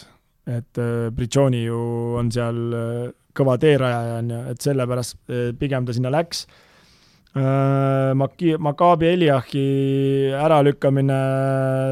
Paksi, noh, ma ei tea, ma arvan, et kui sa oled Ameerikast tulnud, sul on äh, Äh, Maccabi, ma arvan, suht turvaline koht, ta tunneb ennast Euroopas hästi, ta arvab, et see on, äh, et tal nagu kõik toimib, on ju, et siis äh, võib-olla noh, võib-olla nii, nii ütleme nii-öelda mängija IQ Brian Eliachil ja, ja, ja ütleme, niisugune nagu tunnetus Euroopa korvpalli järgi on parem, et ta ei unista sellest NBA-st, et ta tahab mängida hoopis teistsugust korvpalli, mida pakutakse NBA-s, et minu arust need on ikkagi kaks erinevat asja, üks on üles-alla jooksemine ja e, ütleme, üks-üks füüsilise pealt mängimine, teine on ikkagi mõistkonnamäng. jah, ja kui Bryantist veel rääkida, siis äh, kahe tuhande kaheksateistkümnendal aastal ta NBA draftis ei valitud, samal suvel siis liitus äh, Philadelphia Seventy Sixersiga NBA suveliigas aga alustas siis profikarjääri kaks tuhat kaheksateist Hapoeli meeskonnas Iisraeli kõrgliigas ja pärast seda hooaega siis nüüd teist aastat on, on Maccabis, Maccabis mängimas. aga mõned huvitavad nimed ma panin siia kirja ka, sa võid, Kristo, siin äh, heaks kiita või, või, või ümber lükata, Bayerni äh, Vladimir Lusic, olgugi et kolmekümne ühe aastane, aga, aga tegelikult äh, sellised gabariidid ja asjad, noh, ma kindlasti ei väida, et ta põhimees oleks, aga kas ta saaks hakkama? no ma ei tea, see Lucic, no mingil määral kindlasti saab hakkama, nii edasi, nii edasi, vaata, aga minu arust see NBA-s on nagu see ka, kui sa tõid selle Luka Doncic, et kes selle jalaga niimoodi selle ukse lahti lööb, et äh, Luka Doncic on selles mõttes nagu ehe näide, et äh, kui sa oled ikkagi MVP, Euroliiga MVP, eks, siis sind ostetakse sinna NBA-sse, et seal ikkagi tehakse staari, mitte need staarid ei sünni, noh. selles mõttes seal ikkagi tehakse, okei okay,, mees peab ka olema, kes selle välja kannab, et, et lõpuks on nii, et äh, seal ülejäänud nendele välismaalaste või kohalikel nii-öelda ameeriklaste öeldakse, et äh, Luka Tontsi peab kakskümmend viset võtma mängus ja teie lihtsalt jooksete üles-alla, nii on, noh. ja, ja, ja, ja see on ju ikkagi business selles mõttes. et äh, Lucic'is ma ei usu ja ma ei usu, et ta tahab üldsegi minna, no ta, ma arvan, kui talle tuleb CSKA-st või Real Madridist pakkumine, ta läheb rohkem põlema kui Lakersist, noh kaks Baskonia meest, äh, leedukas Rokas Giedraitis ja argentiinlane võib-olla Luka Vildosa, isegi veel huvitavam nime, nimi, et äh, Giedraitis veel veidi selline sarnane tüüp nagu Lucic, aga Vildosa, ma arvan, ühel hetkel, arvestades, et ta on suhteliselt noor mees, võiks küll äh, tee sinna leida. Vildosa pigem sobib, Giedraitisega ma nii päris nõus ei ole, minu arvamusel Vildosa oma mängult niisugune agressiivne, kiire, tahab ilgelt visata, möllata, joosta, et tema pigem sobib sinna, jah. ja kaks meest, ma ei tea, kas sa neid nimesid üldse tead, aga ma olen päris palju sel hooajal Panathinaikose mänge vaadanud ja ja kaks torni on seal, Papagiannis ja Mitoglu ja mõlemad on sinna kahekümne algusesse ja me mäletame tegelikult ju, ega see Miljutinov samamoodi hakkas pihta sealt olümpiaakosest, et ega ta ju ka alguses mingi eriline mängumees ei olnud, aga aga, aga mina arvan, et nendest kahest mehest võib ka midagi, midagi suurt tegelikult tulla. no kui kahe vahel valida, siis Papagannisele ma paneksin kõva eelise, et see on ikka korralik jõujuurikas ja seal ikkagi annab vormida ja ega NBA vajab ka niisuguseid liikuvaid pikkasi ja jõulisi noh, mingitel hetkedel nagu, et kõik ei ole ju meil Anthony Davised on ju, niisugused liikuvad, panevad kolme värki-särki, et seal on ikkagi neid jõujuurikaid ka vaja. Noh. ja Vabagiannis siis kahekümne kolme aastane pikkus kaks kakskümmend ja Mitoglu siis äh, kahekümne nelja aastane pikkus kaks, äh, kaks kümme. on sul endal ka, Krista, siia mõni, mõni mees veel ah,, üks mees on mul veel äh,, Misic, miks mitte? suur mm., suur mängujuht, pikk mängujuht. Mm, no ennem Shane Larkin, noh no Larkin jah, okei okay,, see Larkin on olnud, olnud ka, et pigem, pigem need mehed, kes ei ole NBA-s veel olnud. jah, ja aga no ma mõtlen lihtsalt, need kiirused on seal niivõrd erinevad minu arust nagu ja üles-alla jooksmine, okei okay,, Euroopa tarkusega seal ju midagi Mitchis teeb kindlasti ära, nagu Theodosit seal ju Clippersis ikkagi neid sööte ja asju jagas nagu väga võimsalt, aga niisugust avanemist või ütleme, efektiivsust ta ei toonud, et ta oleks seal pikalt pidama jäänud ja talle endale seal ka väga ei meeldinud, eks see no ma, no sa kujuta ise ette, kaheksakümmend kaks mängu Mitsits, noh, pluss play-off, kui peaks pääsema, et see, ma arvan, tema kehale liiga palju, noh, et see pigem ta on ikka niisugune Euroopa korvpallur, et kui ma nüüd äh, lätlastest tahaks valida, siis ma ütleks Kuurits, noh. et äh, lätlastest ma valiks Kuuritsi. kas Kuuritsi või Kurutsi? Kurutsi siis, okei no Kurutsi siis ja Kurits on see tagumine jah, Kurutsi siis selle lätlasest. Kurits on Kail Kurits, see on Slovakk ah,, no, Parssas. noh, tore poiss. aga eks ma, eks ma ikka sind ei, Harri, Harri, no mul see nimedega raske. ei, ma aitangi sind, ega aga kui sa oled kolmekümne viie aastane, sul ei jää kõik meelde, välismaa nimed ka keeruline vaata. kõik peab korrektne olema, sellepärast, sellepärast ma parandangi, ega no, ma paha ei taha. ei no keegi ütles Alo, Lembit, Malle, Tõnu, on ju, siis ma ju teaks neid, on ju, aga neid, neid kutte ma ei tea, et aga ma arvan, see äh, Kurut siis sel aastal on äh, jälle läks sassi. sa mõtled äh, Raieste ei, mitte seda, see nüüd, kes see partsas on meil, mis ta nüüd on siis? Smits äh,! sa mõtlesid ikkagi Kail Kuritšit ei, ma mõtlesin Smitsi. aa, okei okay., no Sorry, siis, siis läks täitsa lappama. no täitsa lappama, ma väga vabandan jah, et äh, Smitsi mõtlesin, see pikk, kes seal ja, mängib, et ja. Äh, ta on ju ikkagi väga füüsiline ja jõuline mees, et äh, kahekümne viie aastane, kaks null seitse. aa, ikkagi päris vana juba, et kui me võtame siin ikkagi edulugudest Baltikumis, siis Bertants ju mängis ennast väga kõvasti, ütleme, kõigepealt San Antonios pildile ja nüüd on Wizard siis ikkagi suhteliselt staar, on ju, et äh, ega ta ju ka mingi eriline vend polnud, noh. et aga ta suutis ennast sinna süsteemi nii hästi sisse mängida, et siis ma isegi arvaks, et võib-olla see Smits võiks olla niisugune vend Baltikumist, noh. rohkem ma hetkel ei tea, no ma ei, ma ei Nad, nad väga ei taha niisuguseid, minu arust niisuguseid äh, tagamängijaid, ütleme, Jokubaitis ja Lukevitsus ja Mitsis äh, Lekavitsus, Smitsi sugu- või see Misitsi suguseid neid tagumisi, need ei ole nagu efektiivsed, nad viskavad küll kolmes ja nii edasi, aga, aga ikkagi seda ei ole, ma arvan. ja eks need palganumbrid ka Euroliigas on tegelikult läinud juba päris, päris heaks ja, ja mõned mehed nagu näiteks Elijah Bryant võib-olla võib-olla ei kipugi sinna, sinna, sinna lombi taha, aga aga tõmbame siit, äh, Kristo, vaikselt otsi kokku, no kellele särgi paneme, Kevin siis selle roosa vormi küsimusega, Berit äh, õpetussõnade jagamise, jagamise küsimusega või siis viimane küsimus äh, Euroliiga NBA vahel liikumisega, mida küsis siis Raul mm,? ma annan selle särgi Kevinile ja kutsun ka kõiki teisi kuulajaid, et kui ikkagi on Äh, tahtmist ja mingeid mõtteid, et siis ikkagi kirjutage meile ja, ja et siis on meil ka rohkem kommenteerida ja ma annan selle Kevinile. jah, ja siit saab ju igasuguseid, nagu meil siin Kevini küsimusega näiteks tuli, et siit saab igasuguseid asju edasi ise aretada, et küsis küll vormi kohta, aga aga lõpuks aga jõudsime harjumuste juurde, no või mingite täitsa mujale välja, nii et äh, just, et küsige, küsige, küsige julgelt äh, ootame siis neid küsimusi veelgi, igatahes Kevin, sulle tuleb särk võtta, võta meiega ühendust nagu ikka ja, ja paneme siis äh, selle särgi äh, rätsepate juures äh, töösse. lõpetussõnad. No olen nõus selle Nordeidi ühe punkti ära andma, kui Kalev Cramo saab VTB-s võidu ja kui saab kaks, oleks veel eriti super, et jääme ootama siis uuelt nädalalt Kalev Cramo õnnestumisi ja, ja kõik siis sport.television.ee-st mängu jälgima ja andke oma panus, et sporti ikka näeks ja aitäh kuulamast ja kohtume siis äh, juba veidi vähem kui täpselt nädala pärast. korvpall on meie mäng, mille harrastamisel ja jälgimisel võib tekkida hea tuju ja tunne. enne saali minemist pea nõu sõbra või elukaaslasega. platsil näeme. Ega edu pole jänes, mis seest ära jookseb. ärid on edukad Hammerheadi majades